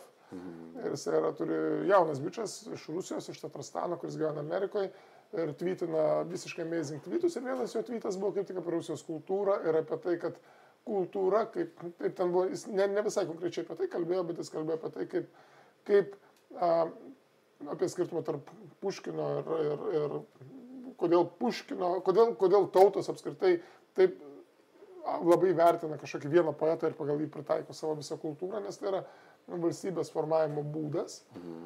Ir ta kultūra, nu, tarsi pas rusus yra, nu, vienas iš dalykų, tau sakė taip, tenais dalis visuomenės tikrai turi labai gilias tradicijas, tai yra ta inteligentiškoji dalis, kuri ateina dar iš XIX amžiaus. Prasme, nu, kad įsivaizduotume, XIX amžiui, nu, man teko skaityti, prasme, pas juos ten būdavo, nu, per tuos jų vakarėlius damų, ta prasme, jeigu tau buvo 18 mergaitė jau metų, tai jinai visai buvo priimtina, kad jinai dalyvautų a, gyvame eilių kūrimo konkurse, pavyzdžiui, prancūziškai. Ir jūs vat kūrėte eilės ir ten viens kitam skaitot. Ir tu turi būti ir ten, tuo metu jau tu turi laisvai kalbėti sekančiam kalbom ir tu turi tuo metu laisvai perskaityti šitus autorius, groti šitais ir kalbėti apie, apie, apie tokius dalykus. Ir ta kultūra kažkuria dalim likusi ir tai yra, manau, kad nu, būdas priskirti save prie pačiam savo atsakyti, kad tu esi aukščiau, kad tu esi elitas. Ir, ir nu, žinai, gal tu neturi galios ar pinigų, bet tu turi esi kultūrinis elitas. Ir kodėl tai veikia, tai kartu veikia ir kaip pranašumo paaiškinimas savo pačiam, kodėl aš esu pranašesnis. Vienas iš Rusijos imperializmo grindžiančių motyvų yra kultūrinis Rusijos pranašumas. Jeigu, pavyzdžiui, Britų imperializmas buvo tas baltojo žmogaus pareiga, tai pas rusus yra kultūrinis pranašumas. Rusijos kultūra yra laikoma pranašesnė. Ir jie lygiai taip pat tuo argumentu, kuris sako, kai mes klausim kaip, tai jie sako, tai va todėl, kad, kad mes skaitom knygas, metro, mes esam kultūriškai pranašesni ir va dabar mes tam jūsų Uzbekistane toj pamokysim, kaip skaityti knygas. Tai va, tai va, tai dėl to. Tai yra lygiai tas pats dalykas, kurį gal arba geram dalykui panaudos, ar blogam. Jo. Ir tai kitas dalykas, dar čia galima biški pasiginčyti, ar, ta prasme, ar nu, čia nėra kaip su ta kariuomenė, ar ta... ta... Žiūrėk, dalis žmonių, dalis žmonių tikrai yra Be labai Taip. didelė dalimi, kai tu tą pastebi, tu tą pastebi, bet tą pastebi net ir tie žmonės, tą pastebi ir lygiai tie patys aplinkiniai, tas lietuvis, kuris ten pastebėjo, tai lygiai pat pastebi ir nu, rusai nacionalistai, kuris sako, žiūrėkit, štai mergaitė Tolstojų skaito Dostojevskį, metro kokie mes dvasingi, nešam dvasingumą. Jo, jo, ta, ta, Nes mes esame dvasingi, viskas. Ir jie tą sako, kodėl jie yra pranašesni, nes dvasingesni. Kodėl dvasingesni, va štai todėl viskas yra pagrindas pranašumo jausmui. Pranašumo jausmas yra pateisinimas ekspansijos ir užkariavimo. Tas pats buvo, vokiečiai sako, jie yra untermenšan, jie yra rasiškai pranašesni. Britai buvo civilizaciškai savo pranašesni pasisakė. Šitie yra kultūriškai pranašesni, bet tai yra pranašumo jausmas. Ir viskas, nu. čia, jo, čia tie di- didžiai valstybiški tie dalykai, kuriais jie dar stradalina. Gerai, toliau. Kaip atsikratyti primityvaus noro įgyti kažkokį statusą, ar tai būtų noras turėti Porsche geresnį nei pas kaimyną, ar tai būtų noras permėgoti su daugiau moterų, ar tai būtų noras būti geresnė tauta už kitą. Nu, šiaip tai Čia Gal tas ar noras tai- toks primityvus, jeigu kalbam apie Porsche, ką aš žinau. Prasme, gali man pervesti tą Porsche, aš imsiu. Prasme, šiaip tai klausimas yra statusas, kaip toks, nu, yra užprogramuotas mumise, Ja. a, kaip nu, mes esame grupiniai gyvūnai, ar ne, mes nesame tigrai, kurie gyvena po vieną ir papjauna vienas kitą, mes esame grupiniai gyvūnai, statusas yra skirtas iš esmės tam, kad kaip beždžionė sėdėjo medyje, nu, kad jos, tiesą sakant, nepapjautų viena kitos. Jeigu tos rūšys, kurios papjovė vienas kitą, nes neturėjo statuso, jos neišgyveno ir iš jų niekas neišsivystė. Mes išsivystėm iš tų, kur turėjo statusą ir jisai veikia. Jis vis dar veikia iki šiol. Klausimas, kas yra statusas. Ir klausimas yra čia tas primityvus, turbūt žinai. Tas pranašumas, visi nori turėti vienokį ar kitokį pranašumą. Ir jeigu vokiečiai vienu metu, sakė, tarkim, 40 metais, let's have military pranašumas, ar ne? Mm. Tai dabar jie turi ekonomikali pranašumas, ar ne? Taip. Tai klausimas yra ne kaip atsikratyti, nes atsikratyti tai yra nu, išeiti į budizmą, mhm. tapti būdą, tada yra tai būdos aišku statusas, nu, bet, a, bet rasti būdą turėti statusą išeinant iš to nu, destrukcinio ar savo destrukcinio, ką žinau, ciklo, tas Zero Sum Game, į tai, kad tu gali turėti statusą per kažką kitą. Mhm. Ar tu gali turėti statusą, nu, to prasme, jeigu pažiūrėsim, pavyzdžiui, tą pačią Rusiją, jie taip pat Sovietų sąjunga stengiasi turėti statusą. Žiūrėk, mes turim tokį baletą, mes turim tokius kosminius laivus, Taip. kas tikrai yra kūry, kūryba, kas yra tikrai į priekį vedantis statusas. Tai duot Amerika dar. Tai žinai, Prancūzija kalba apie statusą kaip apie kultūros uh, hubo pasaulį. Mhm. Ar ne kaip, nežinau, apie tas, tas uh, virtuvės, ekonomikos, nu, tarsi apie to gražaus gyvenimo. Taip. Italija apie dar kažką. Apie ką Rusija jie turi atrasti, apie ką? Klausimas, ar kol jie atras dar tą Rusiją, kaip tokia liks. Mm. Tas, tas yra tiesa. Čia dar, aš dar nuo savęs pridėčiau, kad... Čia nu, Lietuva lygiai taip pat turi atrasti tokią vietą, kur jo. mes esame geriausi. Pasaulyje, vad būtent. Nes mes daugelį metų sakėm, kad mes esame ypatingi, nes mes esame ašarą dievokį. Taip. Labiausiai kentėjusi Marijos žemė, mes labai kentėjom, mus trėmė, mes, mes, mes verkiam, mūsų reikia gailėti. Aha. Ne? Tarsi nebūtų Ruandos, ta prasme. Na, nu, tarsi, žiūrėk, tarsi, jie tam toli, ryto į Afriką, tai jie, žinai, pat žinai, čia, o čia mes. Tarsi, tarsi nebūtų Rusijos, kur irgi ištrėmė daugiau šitų žmonių, net ir procentaliai. Jo. Tai, bet klausimas, kaip padaryti, kad tas statuso siekimas ir vestų į priekį, ir motivuotų, ir neštų kažką tai mums, ir jis nebūtų feikinis. Būtų tvarus. Būtų tiesiog. tvarus, net sakau, vieną turi švedai, ne, kitą turi kita turi prancūzai, kita turi šveicarai. Ir mes jeigu pažiūrime tas šalis, mes galim pasakyti, nu, kad, okei, okay, jie tikrai turi kažką, kame yra geriausi, mm. plačiaja prasme, ir, nu, jo, jie ant to dirba ir už ką mes vis vertinam, kur mes sakom, jo, mes norim į juos lygiuotis, iš Švedija dėl vieno dalyko, turbūt Italija, Prancūzija dėl, dėl kokių kitų. Mm. Ja, jo. Pilnai irgi tam pritariu. Klausimas specifiškai Andriui. O, prašau. Labas, Andriu.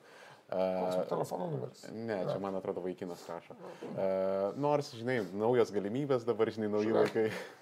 Žiūrėk. Nu, gerai. Ką Armėnas galėtų, turėtų padaryti, kad pritrauktų daugiau žiūrovų uždavinėjančių klausimus? O čia... Žiauriai paprastai. Koks tavo duoda 10 eurų už kiekvieną klausimą. O, Žiūrėk. welcome. Tu prašai ką padaryti, aš neprašai pasakyti protingai, Siūlau. Prašai, aš į klausimą atsakiau. Kiekvienam statau šniūrą. O, o. Šitoje vietoje vienas mato kūrė Patreoną. Iš karto. Padėkit. Iš Kolumbijos reikia laivas jūs. Ne, aš manau, Spaskikas ten turi gerą, žinai, kontaktą. Žinai, bet jau kai pradės visi rašyti. Ja, ja, ja, ja. Nemoka, o čia, Gerai. oi, dragūnas jau parašė. Labas, Egi. Uh, koks geriausias būdas išvengti loginių klaidų spastų? Nežinau. Labai gerai. Uh, Galvot, ką žinau, nu, tu prasme. Nu. Tu prasme, kitas dalykas susi... Mokytis kažką iš to. Jo, jo, svarbiausia, va iš to fakapo suprasti ir walkbackinti, kurioje tu vietoje klaidas padarė ir jis. Nu. Taip. O, Najesdas ant tavęs yra iš Jolantos Andriaus, šiaip jau į rekrūtų simdavo Lietuvos paprastus valstiečius, dabar žinosim. Nu, imdavo. Bet A. valstiečiai į rekrūtų simdavo jau prie, iš esmės prie Rusijos, prie kariuomenės. Mhm. Tai aš kalbėjau apie daugiau taip feudalinį 16 amžių, kai, žiūrėk, jeigu tu valstietis, tu nekariauji. Ta prasme, yra feudalo pareiga kariauti, už tai jis yra feudalas ir ideologiškai jis dėl to ir kariauja, ir ideologiškai dėl to jam ir dirbi. Nes apskritai visa visuomenė ekonominė sistema buvo pastatyta taip, kad karalius duoda žemę feudalams, tik tais tam, kad karaliui nereikėtų išlaikyti kariuomenės, kad feudalas pats įsilaikytų ir kai laikas ateitų, eitų kariauti. Viskas iš jo nieko jau neprašoma. Ja. Tai taip tai veikia. Tai tuo metu kariaudavo dal, labai maža dalis visuomenės. Čia kalba apie tai, kad net ir rekrūtų laikais iš kaimo imdavo vieną, du. Mhm. Nors nebuvo taip, kad visas kaimas su dainom ir vėliavom traukia į karą. Tiesiog... O, likusios, o likusios moteris siūva, žinai, uniformas ir, ir ir ten bando išlaikyti ekonomiką. Tai paprasčiausiai nu, buvo neįmanoma, nes žemės ūkis buvo labai labai ekstensyvus, neintensyvus ir ten turėjo laikiai daug žmonių. Negalėjo, turėjo. Tiesiog. Ir kariauti galėjo tik tais elitas ir kariuomenės, didžiausios kariuomenės Europoje buvo, nu, tarsi, nežinau, keli tūkstančiai, keli, kelias, keliolika tūkstančių karių, viskas. Jo, čia jie, jie tik neseniai bet- buvo prieėję prie Lo- Romos legionų lygių, kuriuos Ja, turėjo. masiniai, žiūrėkit, masiniai karai yra toks labai naujas fenomenas, bet dėl to tas masinis visuomenės paaiškinimas, kodėl tu turi kariauti, Mhm. yra irgi naujas fenomenas. Nes anksčiau tai buvo maždaug, nu, ten šitų feodalų rasborkė. Taip. Prasme, Taip. Ir yra dar labai įdomus dalykas, kad šiaip žmogui yra tyrimai daryti, daugelis tyrimų žmonės nėra linkę žudyti kitų žmonių net per karą. tas yra tiesa. Yra amerikonai darė tyrimą po antro pasaulinio karo ir jie taip nustebo, kad 7-5 procentai karių nešaudo į kitą žmogų. Arba šaudo aukščiau. Šaudo aukščiau, jie stengiasi nepataikyti. Jep. 5 procentai karių sąmoningai yra motivuoti žudyti, dar 20 procentų galima perlaužti ir nulaužti psichiką, traumuojant žmogų ir priversti jį žudyti, kad Arba jisai būtų ok. ginasi, tarkim, ta Daugybė dalykų, pavyzdžiui, čia nes netgi taikiniai, kurie yra žmogaus formos, net ir tai, nu, nes šiaip normalus žmogus šauti kitą žmogų yra viena didžiausių įmanomų traumų.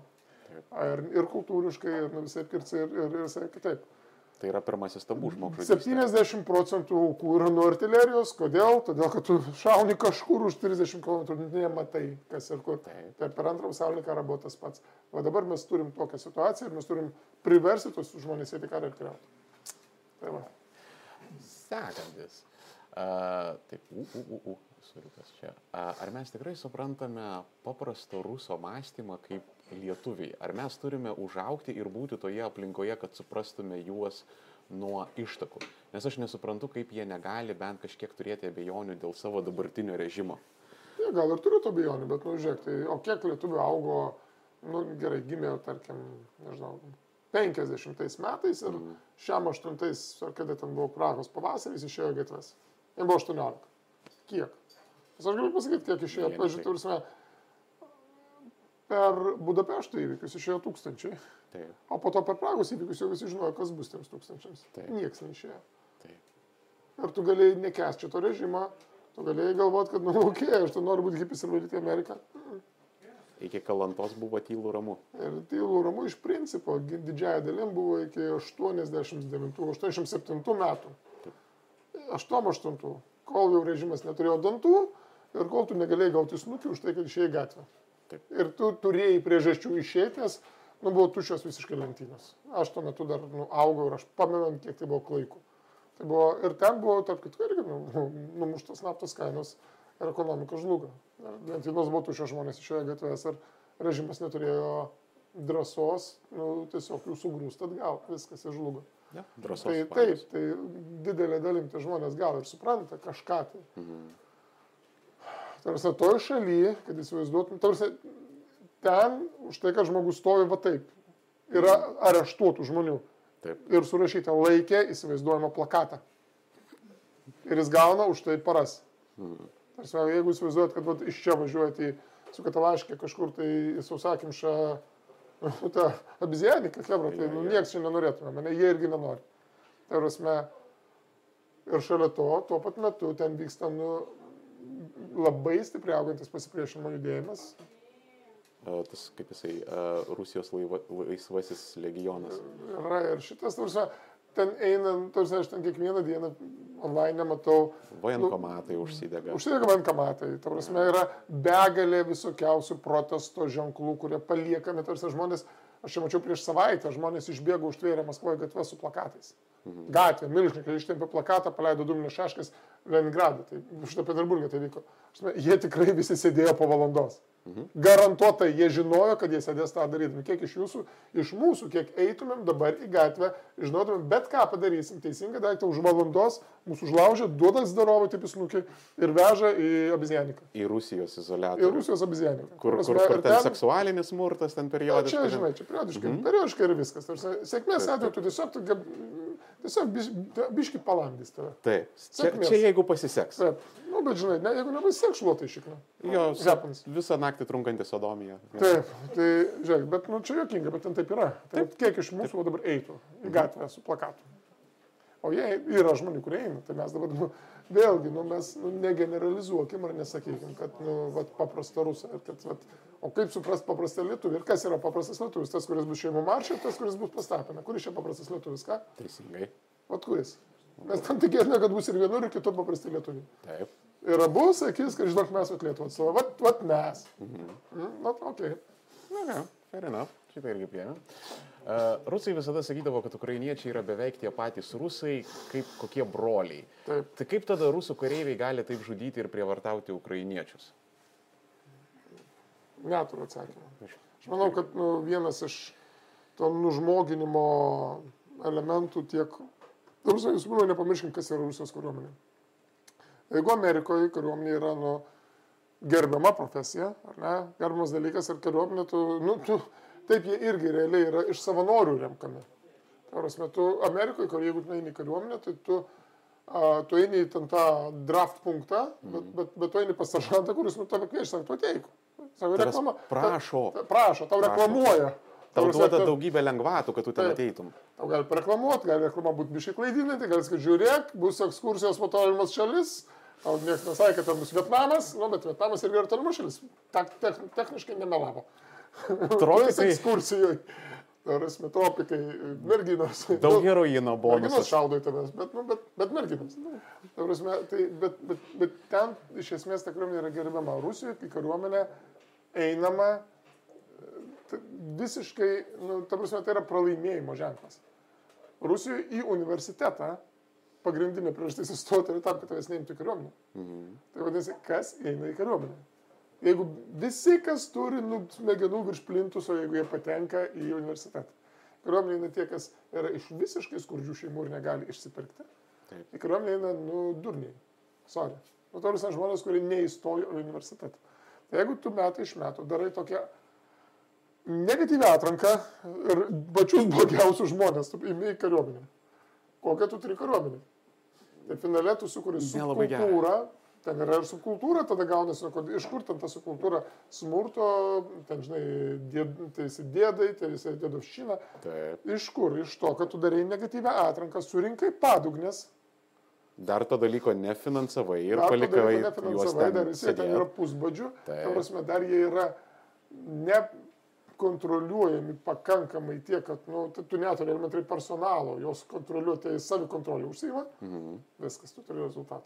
Ir dabar tu juos paleidi kariauti, tarsi jie yra pikti, jie yra nevalgiai, juos šaudo, jie, ta prasme, ir jie nu, yra šiaip nu, degradai. Ir mes kalbame apie žmonės, kurie, vad, Jie yra degradai ir jos dabar, žinai, ir plus jiems sako, kad ten yra fašistai, Rusijoje fašistas per daug metų yra ne žmogaus simbolis, o tu dar herojus būsi. o tu būsi herojus, Nors tavo išsilavinimas, nu, seksualinis, tau 19, ten 18 metų, tu esi, nu, dar kartą, degradas. Iš kažkur tavo seksualinis išsilavinimas yra YouTube'o, ne šito Pornhub'o kokio nors, arba netgi kasetinio.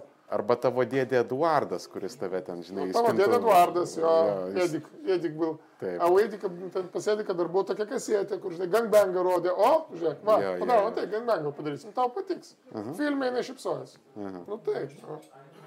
Sodininkas buvo. Jo, ir po to, žinai, kai tu pirmą, ir ten, žinai, nu, tu, kai jos skaitai, kai sako, jo, po to, kai dešimtą nužudžiau, man jau ten nebesvarbu. Mhm. Uh -huh. Tas nužmogėjimas jisai vyksta ir, nu, taip, jisai įeina kažkas, jisai šauna, po to, kai jisai mėnesį buvo, nu, pats yra kažkokiam siaube ir bijo, kad nuž- jis gali mirti gal kiekvieną sekundę.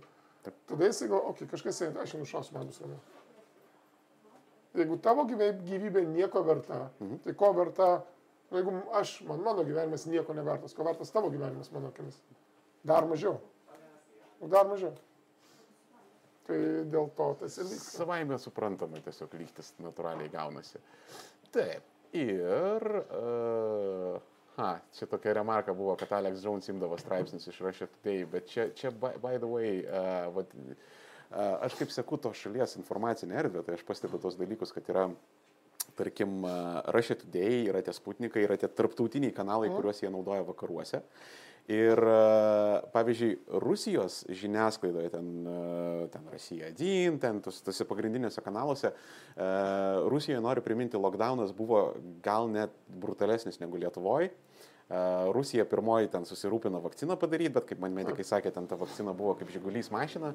Ir tada prasidėjo e, skiepijimas pas juos pirmuosius, ten, žodžiu, ten, mašina, bet tuo pat metu per aš atidėjau ėjo žoskas antivaksinimas. Tai va čia iš karto prašau e, labai graži grandinė, kaip susidėlioja informacinis karas, tu gauni konkurencinį pranašumą, jeigu tu sugebėjai išskiepyti visą savo tautą, e, jeigu tu sugebėjai tenais koroną nugalėti brutaliais lockdownais, Tai tie, kas nepasiskiepijo, tie, kas pasigavo tą sentimentą, jau viskas, prasme, jie jau yra žemesnėse. Taip, ir tai yra būdas parodyti, kad tu sugebi, jie nesugeba, žinai, o ten. O aš atidėjau, apskritai, kad daiktas jisai veikia visada. Nu, pavyzdžiui, kas apie, vėl grįžtam prie nu, telekomunikacijų, bet buvo gražus tyrimas, kas labiausiai, kokia žiniasklaidos priemonė, Amerika labiausiai kritikuoja 5G Aišku, aš tai kažkodėl. Tai labiausiai rūpinasi rusai amerikiečių sveikata. Taip. Ir skleidžia daugiausiai feiko apie tą daiktą. Tarsi, kodėl? Todėl, kad kuo daugiau tu kelsi abejonių visuomeniai, tuo tau bus geriau. Ir užblokuosi Viskas. dar telekomunikacijų plėtrą pažangių. Taip, tuo pat metu. Bet iš esmės tai yra apie abejonės, apie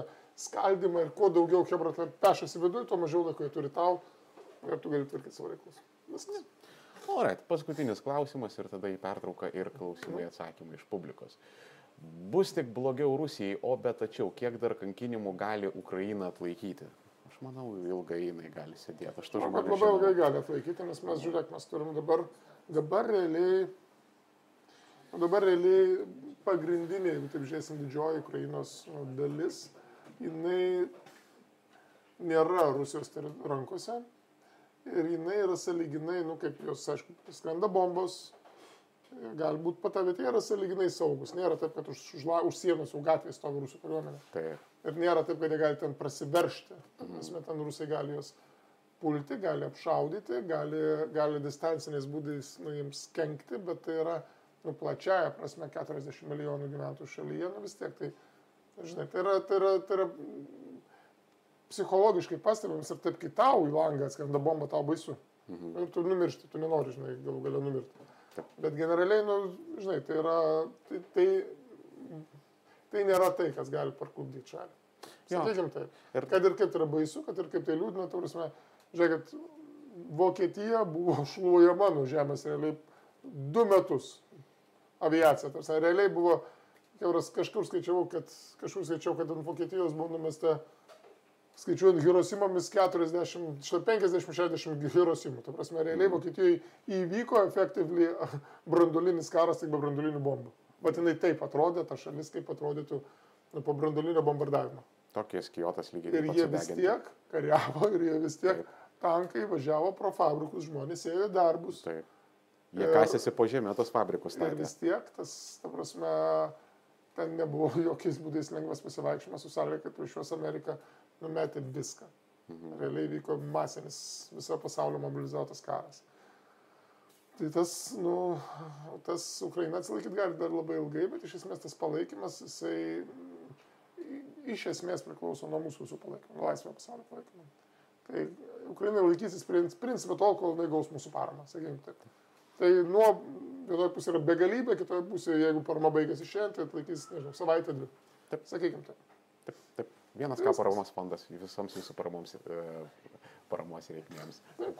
Bet tai vis tiek svarbu, tu prasme, nu, taip, mes, jo. aš irgi, mes irgi stengiamės remti kiekvieną mėnesį kažką, tarsi, nesvarbu kokį fondą. Jo, jo, tai ta prasme. Yra begalė, svarbu, svarbu dalyvauti dabar, kai tik ta sunkioji fazė, kai atrodo, kad, nu, gėčiau padariau, nu, jau daviau, mm. nu, jau gana, taip. nu, gal gana, gal aš jau galiu gyventi toliau, nu, žiūrėkit, nu, ne. Ne, ne, virutė. Prasme, bet šito vietoje, nu, savo pačiam turi atsakyti, kad, žiūrėk, tikrai tai prasunku bet vis tiek dar tą turiu padaryti. Už saugumą tiesiog reikia mokėti, o geras saugumas kainuoja brangiai. Ir tai, tai yra iš dalies, žinai, buvo. Aš žinau, net ne apie saugumą klaučiu, vis tiek aš manau, yra mūsų moralinė pozicija. Be abejo, tai mūsų, be abejo. Jeigu mes sakom, kad mes esame to pasaulio dalis, tai mes, čia yra mūsų moralinis dalykas. Kartais ta moralė tiesiog kainuoja pinigus. Tai davai susimokom. Jo, tai pir, pir, pirminis dalykas. Ir šiaip, žinai, nu, tas visada yra tas bendražmogiškas. žmogiškas nu, jeigu tu gali padėti, ir jeigu tai nėra tau taip, labai sunku, jeigu tai yra relatyviai paprasta, tu ir turėtum padėti. Principą nėra iki galo taip sunku. Taip. Ne, visiškai. Visą tos kavytės galima atsisakyti. Taip. to šniuriuko savo, kurį reklamuoju, irgi galėčiau. Ne, aš jį statysiu. Čia, čia kanalo plėtrai viskas. Gerai. Toj, Nu, gerai, Čia gerai. deklaracijas Gerai, VMI aš reikės pateikti. Gerai. Jo, tai teisingai. Pertrauka. Jo, pertrauka 15 Koks minučių ir grįžtam. Nebra, nu tai vėl, pa- pasakykit. Važiuojame. Ir mes grįžom. Labą dieną visiems. Sveiki visi. E, Vienas K parafos fondas, nuorodas apačioj. Andrius Baranauskas vėl. Ir tada mes turim Labas. publikos klausimus, atsakymus. Labas, nesimatėm. Ir kas esate drąsiausi, šustriausi, paduodu jums ne, šitą mikrofoną. Taip. Prieik, aš tave unmutinu. Reikia stot prie lentos, tada užduot klausimą. Taip. Sveiki, ar girdisi? Girdisi. Aš girdžiu. Jo. Ir čia panašu irgi tave turėtų. Tai svarbiausia. Okay, tai mano klausimas yra iš e, pirmos pokalbio dalies. Mes kalbėjom apie reputaciją ir kad e, nu, Rusija susigadino savo reputaciją e, vakarų akise ir, ir išnaudoja karmos taškus ir, žodžiu, tai yra blogai ir nenaudinga. Mane tai kažkaip, mano informacinis laukas man buvo pasakęs, kad pačių vakarų reputacija irgi nėra, na, vienareišmiškai geras. Ypač, pavyzdžiui, kaip pietus žiūri į vakarus ir, tarkim, nežinau, pati žodžiu, Europos ar Amerikos požiūris į Rusiją nebūtinai nu, yra tas vienintelis, ne, kuris e, dominuoja. Ir vat klausimas, tai jeigu Rusija susigadino savo reputaciją Europos e, ir Amerikos akise, bet, tarkim, pakėlė savo reputaciją arba yra vis dar vertinama teigiamai e, pietų atžvilgių, tai klausimas, kiek tai yra svarbu, Visiškai ar mums tai yra svarbu? Visiškai ir kiek yra svarbu, kad pačios Europos arba Amerikos reputacija a, irgi, nu, ne visuose sluoksniuose suprantama vienareišmiškai kaip rodiklis, kur yra teisingi sprendimai, kur yra neteisingi. Ir kad tai gali būti suprasta kaip dar vienas karas, į kurį Amerika, nu, įsivėlė dėl neteisingų paskatų ir, na, žodžiu, dar vienas neteisingas karas ir Rusija automatiškai dėl to gaunasi tą gerėtą ir Na, nusikaltimą. visai, koks jūsų vardas? Milda. Važiuoju, gerai, geras klausimas. Ačiū, čia tas PMI efektas. Taip, tai atsakymas yra paprastas, sakome, tas mano efektas, visiškai niekam neįdomi pietų nuomonė. Niekam neįdomi, tarsi ką Alžyras galvoja apie, apie, nežinau, arba ką Centrinė Afrikos Respublika galvoja apie Ameriką. Yra labai labai skirtingas dalykas, negu ką Amerika galvoja apie Centrinės Afrikos Respubliką. Pradėkime nuo to.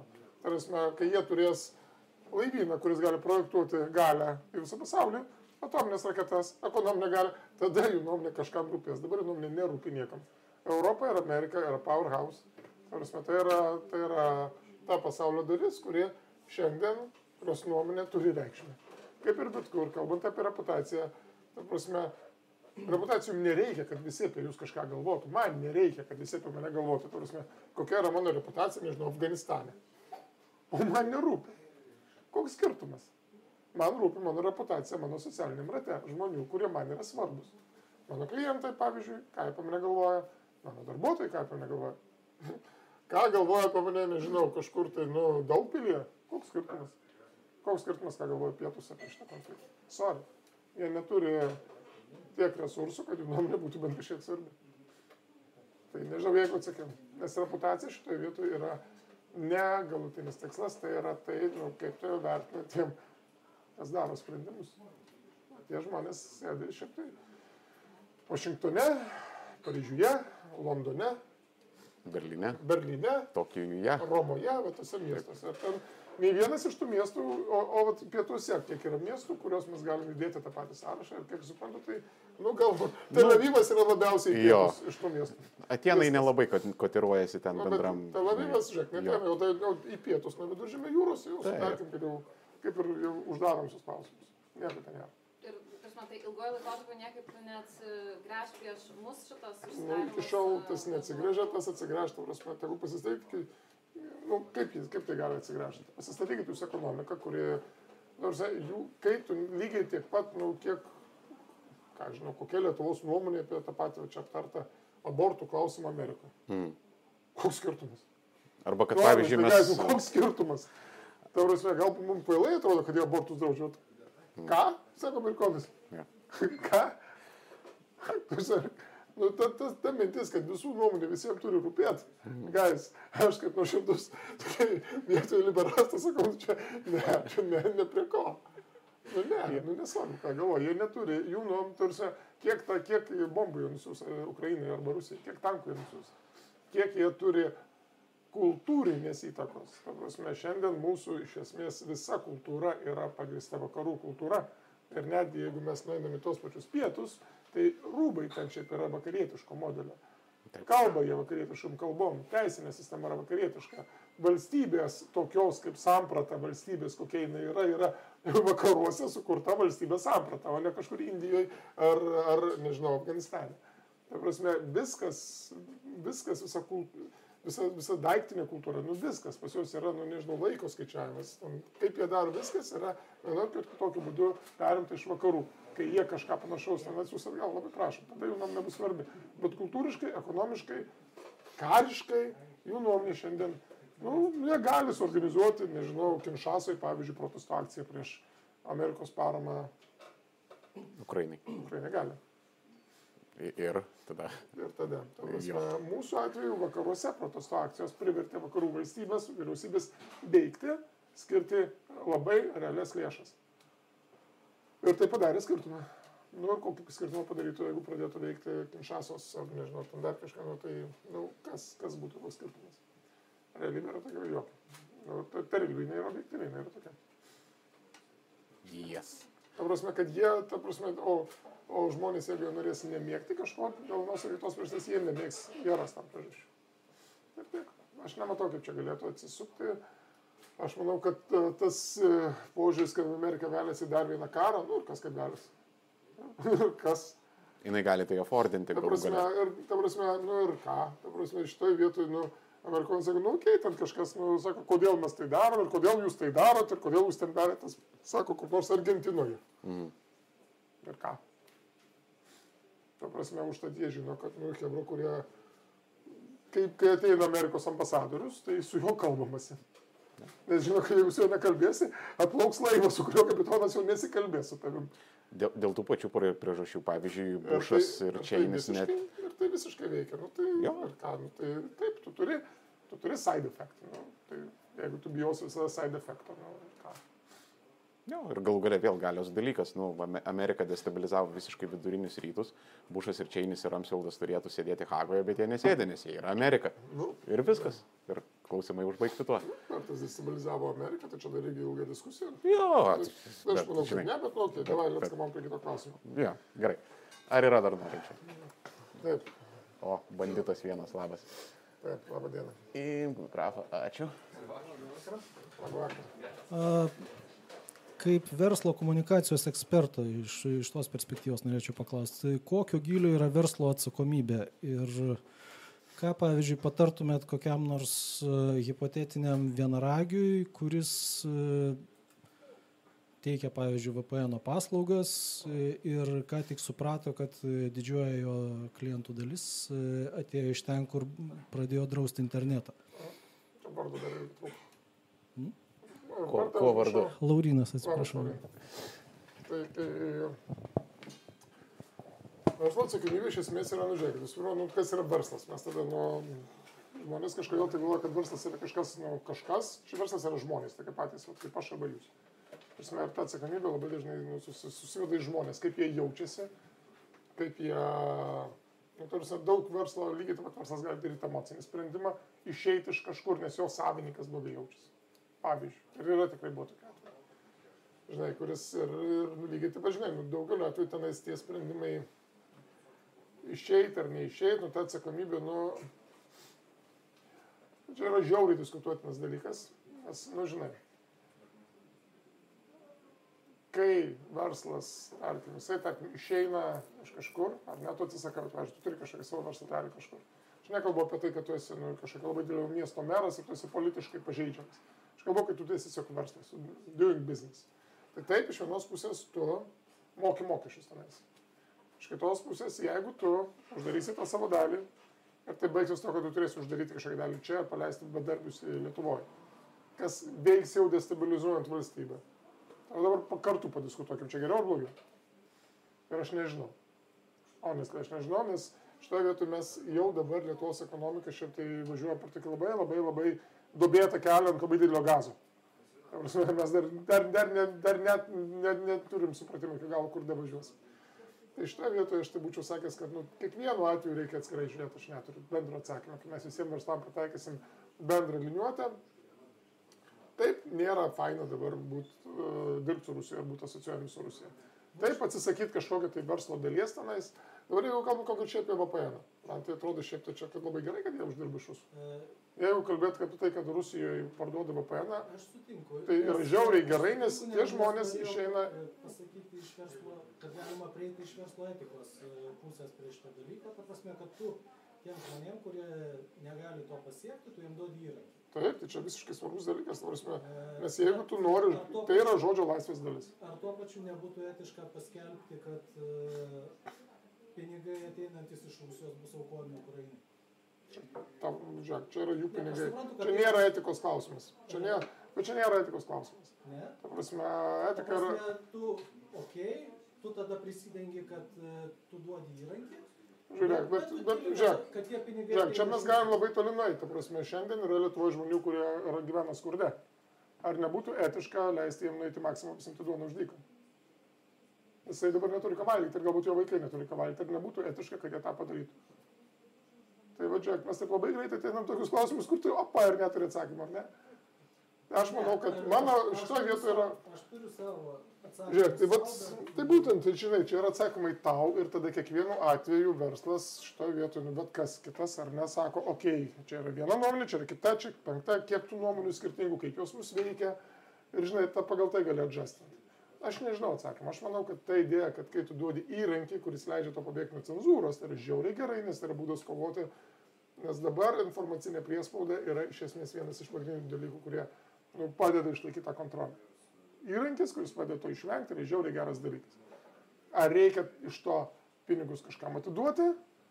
Nu, jeigu tu taip iš karto deklaruosi, kad atiduosim, aš Rusijos vietoj pripločiau tą įrankį maksimaliai greitai.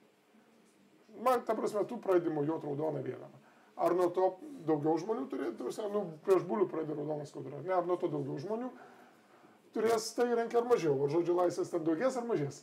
Ir žiūrėk, mes atėjome tokius klausimus, kur, okei, okay, Ar jie atiduoda, aš nežinau. Ar turėmi kitais būdais, aš nežinau. Ar, tas kitas, ar ta kita parama yra didesnė negu to, to kiek tu ten uždirbi, nes šiaip šito vienaragio pagrindinė rinka yra Amerika. Virš 50 procentų ten yra klientų, kiek žinau, ir tausia, Rusija yra minor rinka. Tai ką jie daro dar, aš nežinau, čia jie turėtų atsakyti. Tai ma- aš tai šitą sakant, šitoje vietoje manau, kad pats, pats dalykas, kad tu turi produktą, kuris iš esmės prisideda prie žodžio laisvės, jau savaime yra geras ir aš tikrai labai daug ką galiu atleisti vien už tai. Tarsi jau tai yra gerai. Ta prasme, nu, ar Elonas Maskas turėtų nemokamai dalinti dabar savo, pavyzdžiui, įrangą. Jis irgi duoda žodžio laisvę. Rusai uždraudė patys pirmieji. Nes jisai, nu, jie supranta, kas ten vyks, jų kontrolė dinksta. Tai žinai, tai man atrodo, kad in general šitoje vietoje kiekviena atsakomybė turėtų būti nu, nustatoma, žinai, nu, nu, čia, čia nėra formali atsakomybė, čia yra nu, tas reputacijos dalykai, kurie visada priklauso ir nuo to, kokioj tu pusėje stovi, kaip tu, koks tavo backgroundas, koks tavo, nežinau, kokia tavo šiaip pozicija gyvenime. Tai žinai, nu, ir po to, nu, kai tu turi savo nuomonę, tu turi savo nuomonę, nu, tai va ir tiek. Gerai. Dar norinčių apie kodėl mes tokie gražūs ir protingi. Taip, kodėl aš Turim. gražus ir protingas, tu vis nebandyk įlipti į tą patį laivą. Prasme, tu gali klausti apie barzdą savo. Gerai, taip, Gerai. dar, tas pamai. Taip. Liuks. Taip, Milda grįžta. Nu, Taip, Sveiki dar kartą. Tai dar irgi šito karo e, metu pastebėjau a, kylančius tokius klausimus, tai tiesiog užduosiu jums, nes visai bus tema, kad a, kodėl lietuviai tokius e, dvigubus standartus taiko e, pabėgėliam migrantam iš e, Ukrainos ir iš kitų šalių, kurie buvo, na, priverstiniu būdu pateko į Lietuvą per Baltarusiją. Tai šitie dvigubus standartai ir informacinis karas ir, žodžiu, tai kaip jūs atsakote? Sąžingai atsakyti, ar... ar, ar, ar sąžingai. Gerai, nu, mes per televizorių transliuojame, tai žinai. Ne, ne, ne. ne. Interneto laidais. Viskas, vis, vis, viskas gerai, ten irgi savi žmonės yra. Nu, gerai. Gerai, bet, Bet bet, savi žmonės, palauk, tai kokios... bet, bet, bet, bet, Tai tokį, tai bet galima tokį atsakyti į tą kokybišką rasizmą daryti. Bet... galim atsakyti iš tą klausimą. Nu, žiūrėkit, man atrodo, kad pavyzdžiui, at kas labiau skauda mums? Ar tai, kad Ukrainoje, o tai vyksta tai, kas vyksta, ar tai, kas vyko Čečienijoje, kur visa vyrų populiacija, visi visuaugę vyrai praėjo filtracinės stovyklas. Mhm. Žinot, kaip atrodo filtracinė stovykla? Tai yra iškasama tokia dubė, laukia, aplinkui stovi kareiviai su automatais viršuje duobė kokias 5 metrai, pačioj sėdi tu, va, jisai sėdi tenais, tiesiog tupinės, ten daug nėra ant ko sėdėti, yra lauželis, ten gali kažką valgyti. Ten labai greitai išmatom užsipildo. Ja, šikit ten pat, tu ten sėdi taip. mėnesį, reguliariai gauni zdarovai pizdai, taip, ta prasme, tavo tikrai, tu tikrai neprabandytų. Mhm. Rai, paršonus, jeigu nesuprantai, visa, visa suaugusi populiacija vyrų praėjo, iš esmės visa, išskyrus tos, kurie buvo kalnuose tuo metu ir priešinasi, visa praėjo pro tą filtravimo stovyklą. A, ir ką mes apie tai, vat, kam iš mūsų dėl to taip skauda, ar ne? Nu, nes nu, čia labai paprastas dalykas, nu, mes žiūrėk, mes visi turim savo identitetą, savo identitetą, ar ne? Mes esame, nu, žinai, tu esi vyras, tu esi, ten, žinai, čia tavo šeima, va čia tavo namas, va čia tavo rajonas, miestas, šalis. Jau vien tai, kad mes esame Europoje ir mes priimam Europą kaip savo identiteto dalį, ko didelė dalis, dar pakankama dalis lietuvių dar ir ne, net nepriima, čia, žinai, nu, čia, vat, mes neminėkim visų tų kilnių žmonių iš propatrijos ir panašiai, mm. kurie vis dar ten mato visokie radžiulai, kad ten yra didysis pavojus. Bet, nu, Čečienija yra jau labai labai toli. Sirija yra dar toliau nuo mūsų identiteto. Jemenas tebe vyksta, aš noriu priminti. Ta, tas skirtumas mes ir jie vis dar yra. Ir tiek, nu tai viskas, tai tau atsakom. Aš nesuprantu, bet o tai klausimas, tai kaip, pavyzdžiui, reikėtų norint vat, nuo šiandien padaryti, kad lietuviui tai už 10 metų rūpėtų čečienas ne mažiau negu ukrainietis. Tai vat, nuo ko reiktų pradėti, kad už 10 metų čečienas taip pat. Aš, aš, aš, aš tai sakyčiau, švietimas labai kokybiškas. Švietimas, bet nu, empatija kaip toks daiktas, nu, tarsi, tai yra taip sunkiai ugdomas dalykas. Nu, tarsi, nu, aš manau, kad jisai kažkiek jisai auks, kažkiek jis ugdysis, bet žinai, nu, tu... Nu, nu, come on, pas mus vis dar yra, pas mus vis dar sekmadienį vyks renginys apie tai, kad, nu, Lietuvoje gyvenantys žmonės ne visi gali šeimas turėti, ar ne?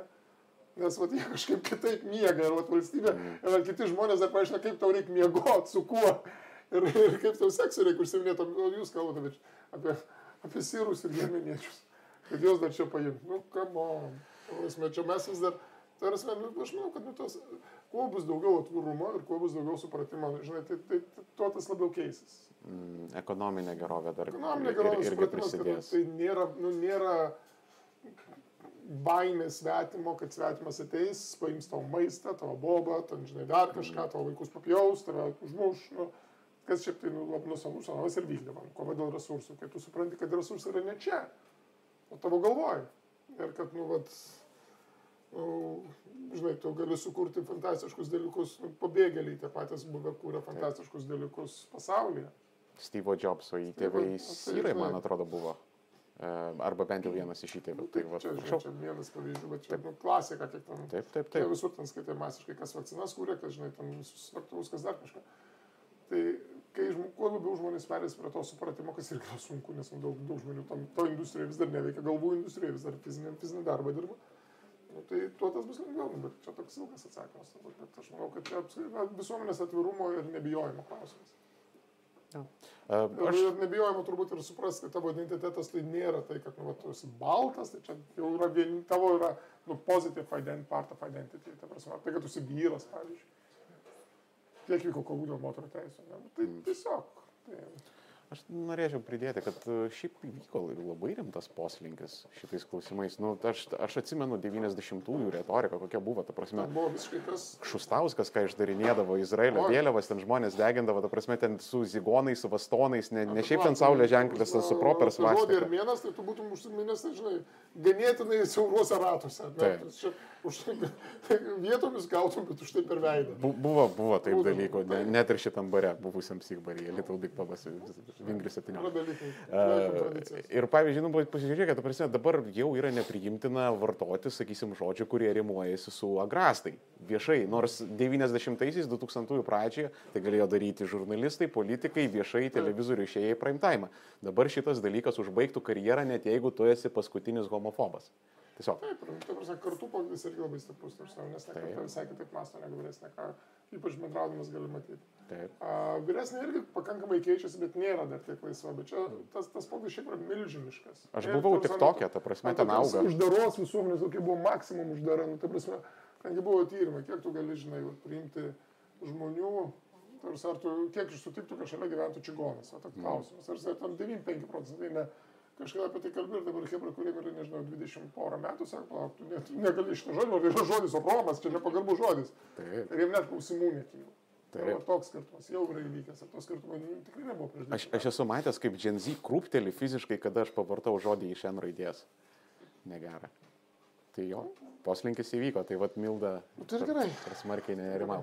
Ar yra dar norinčių? Nes mes norim valgyti čia, tai jeigu jūs norit irgi- klausti, tai mes eisim valgyti, bet jeigu jūs norit klausti, jūs ar klauskite, dar atsakysim. Ir ar vienas stato šniūrą?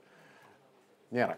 Gerai. Nes aš tiesiog nelabai matau, kas čia dedasi, jūs masuokit rankom, man ten Tai e, tiesiai šviesa į akis. mane, viskas gerai.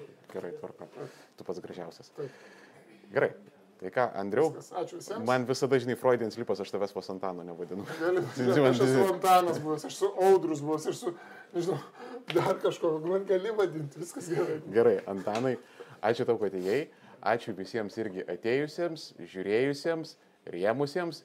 Vienas ką paramos fondas rekvizitai apačioje. Gero visiems vakaro. Šiandien tiek ir iki kito.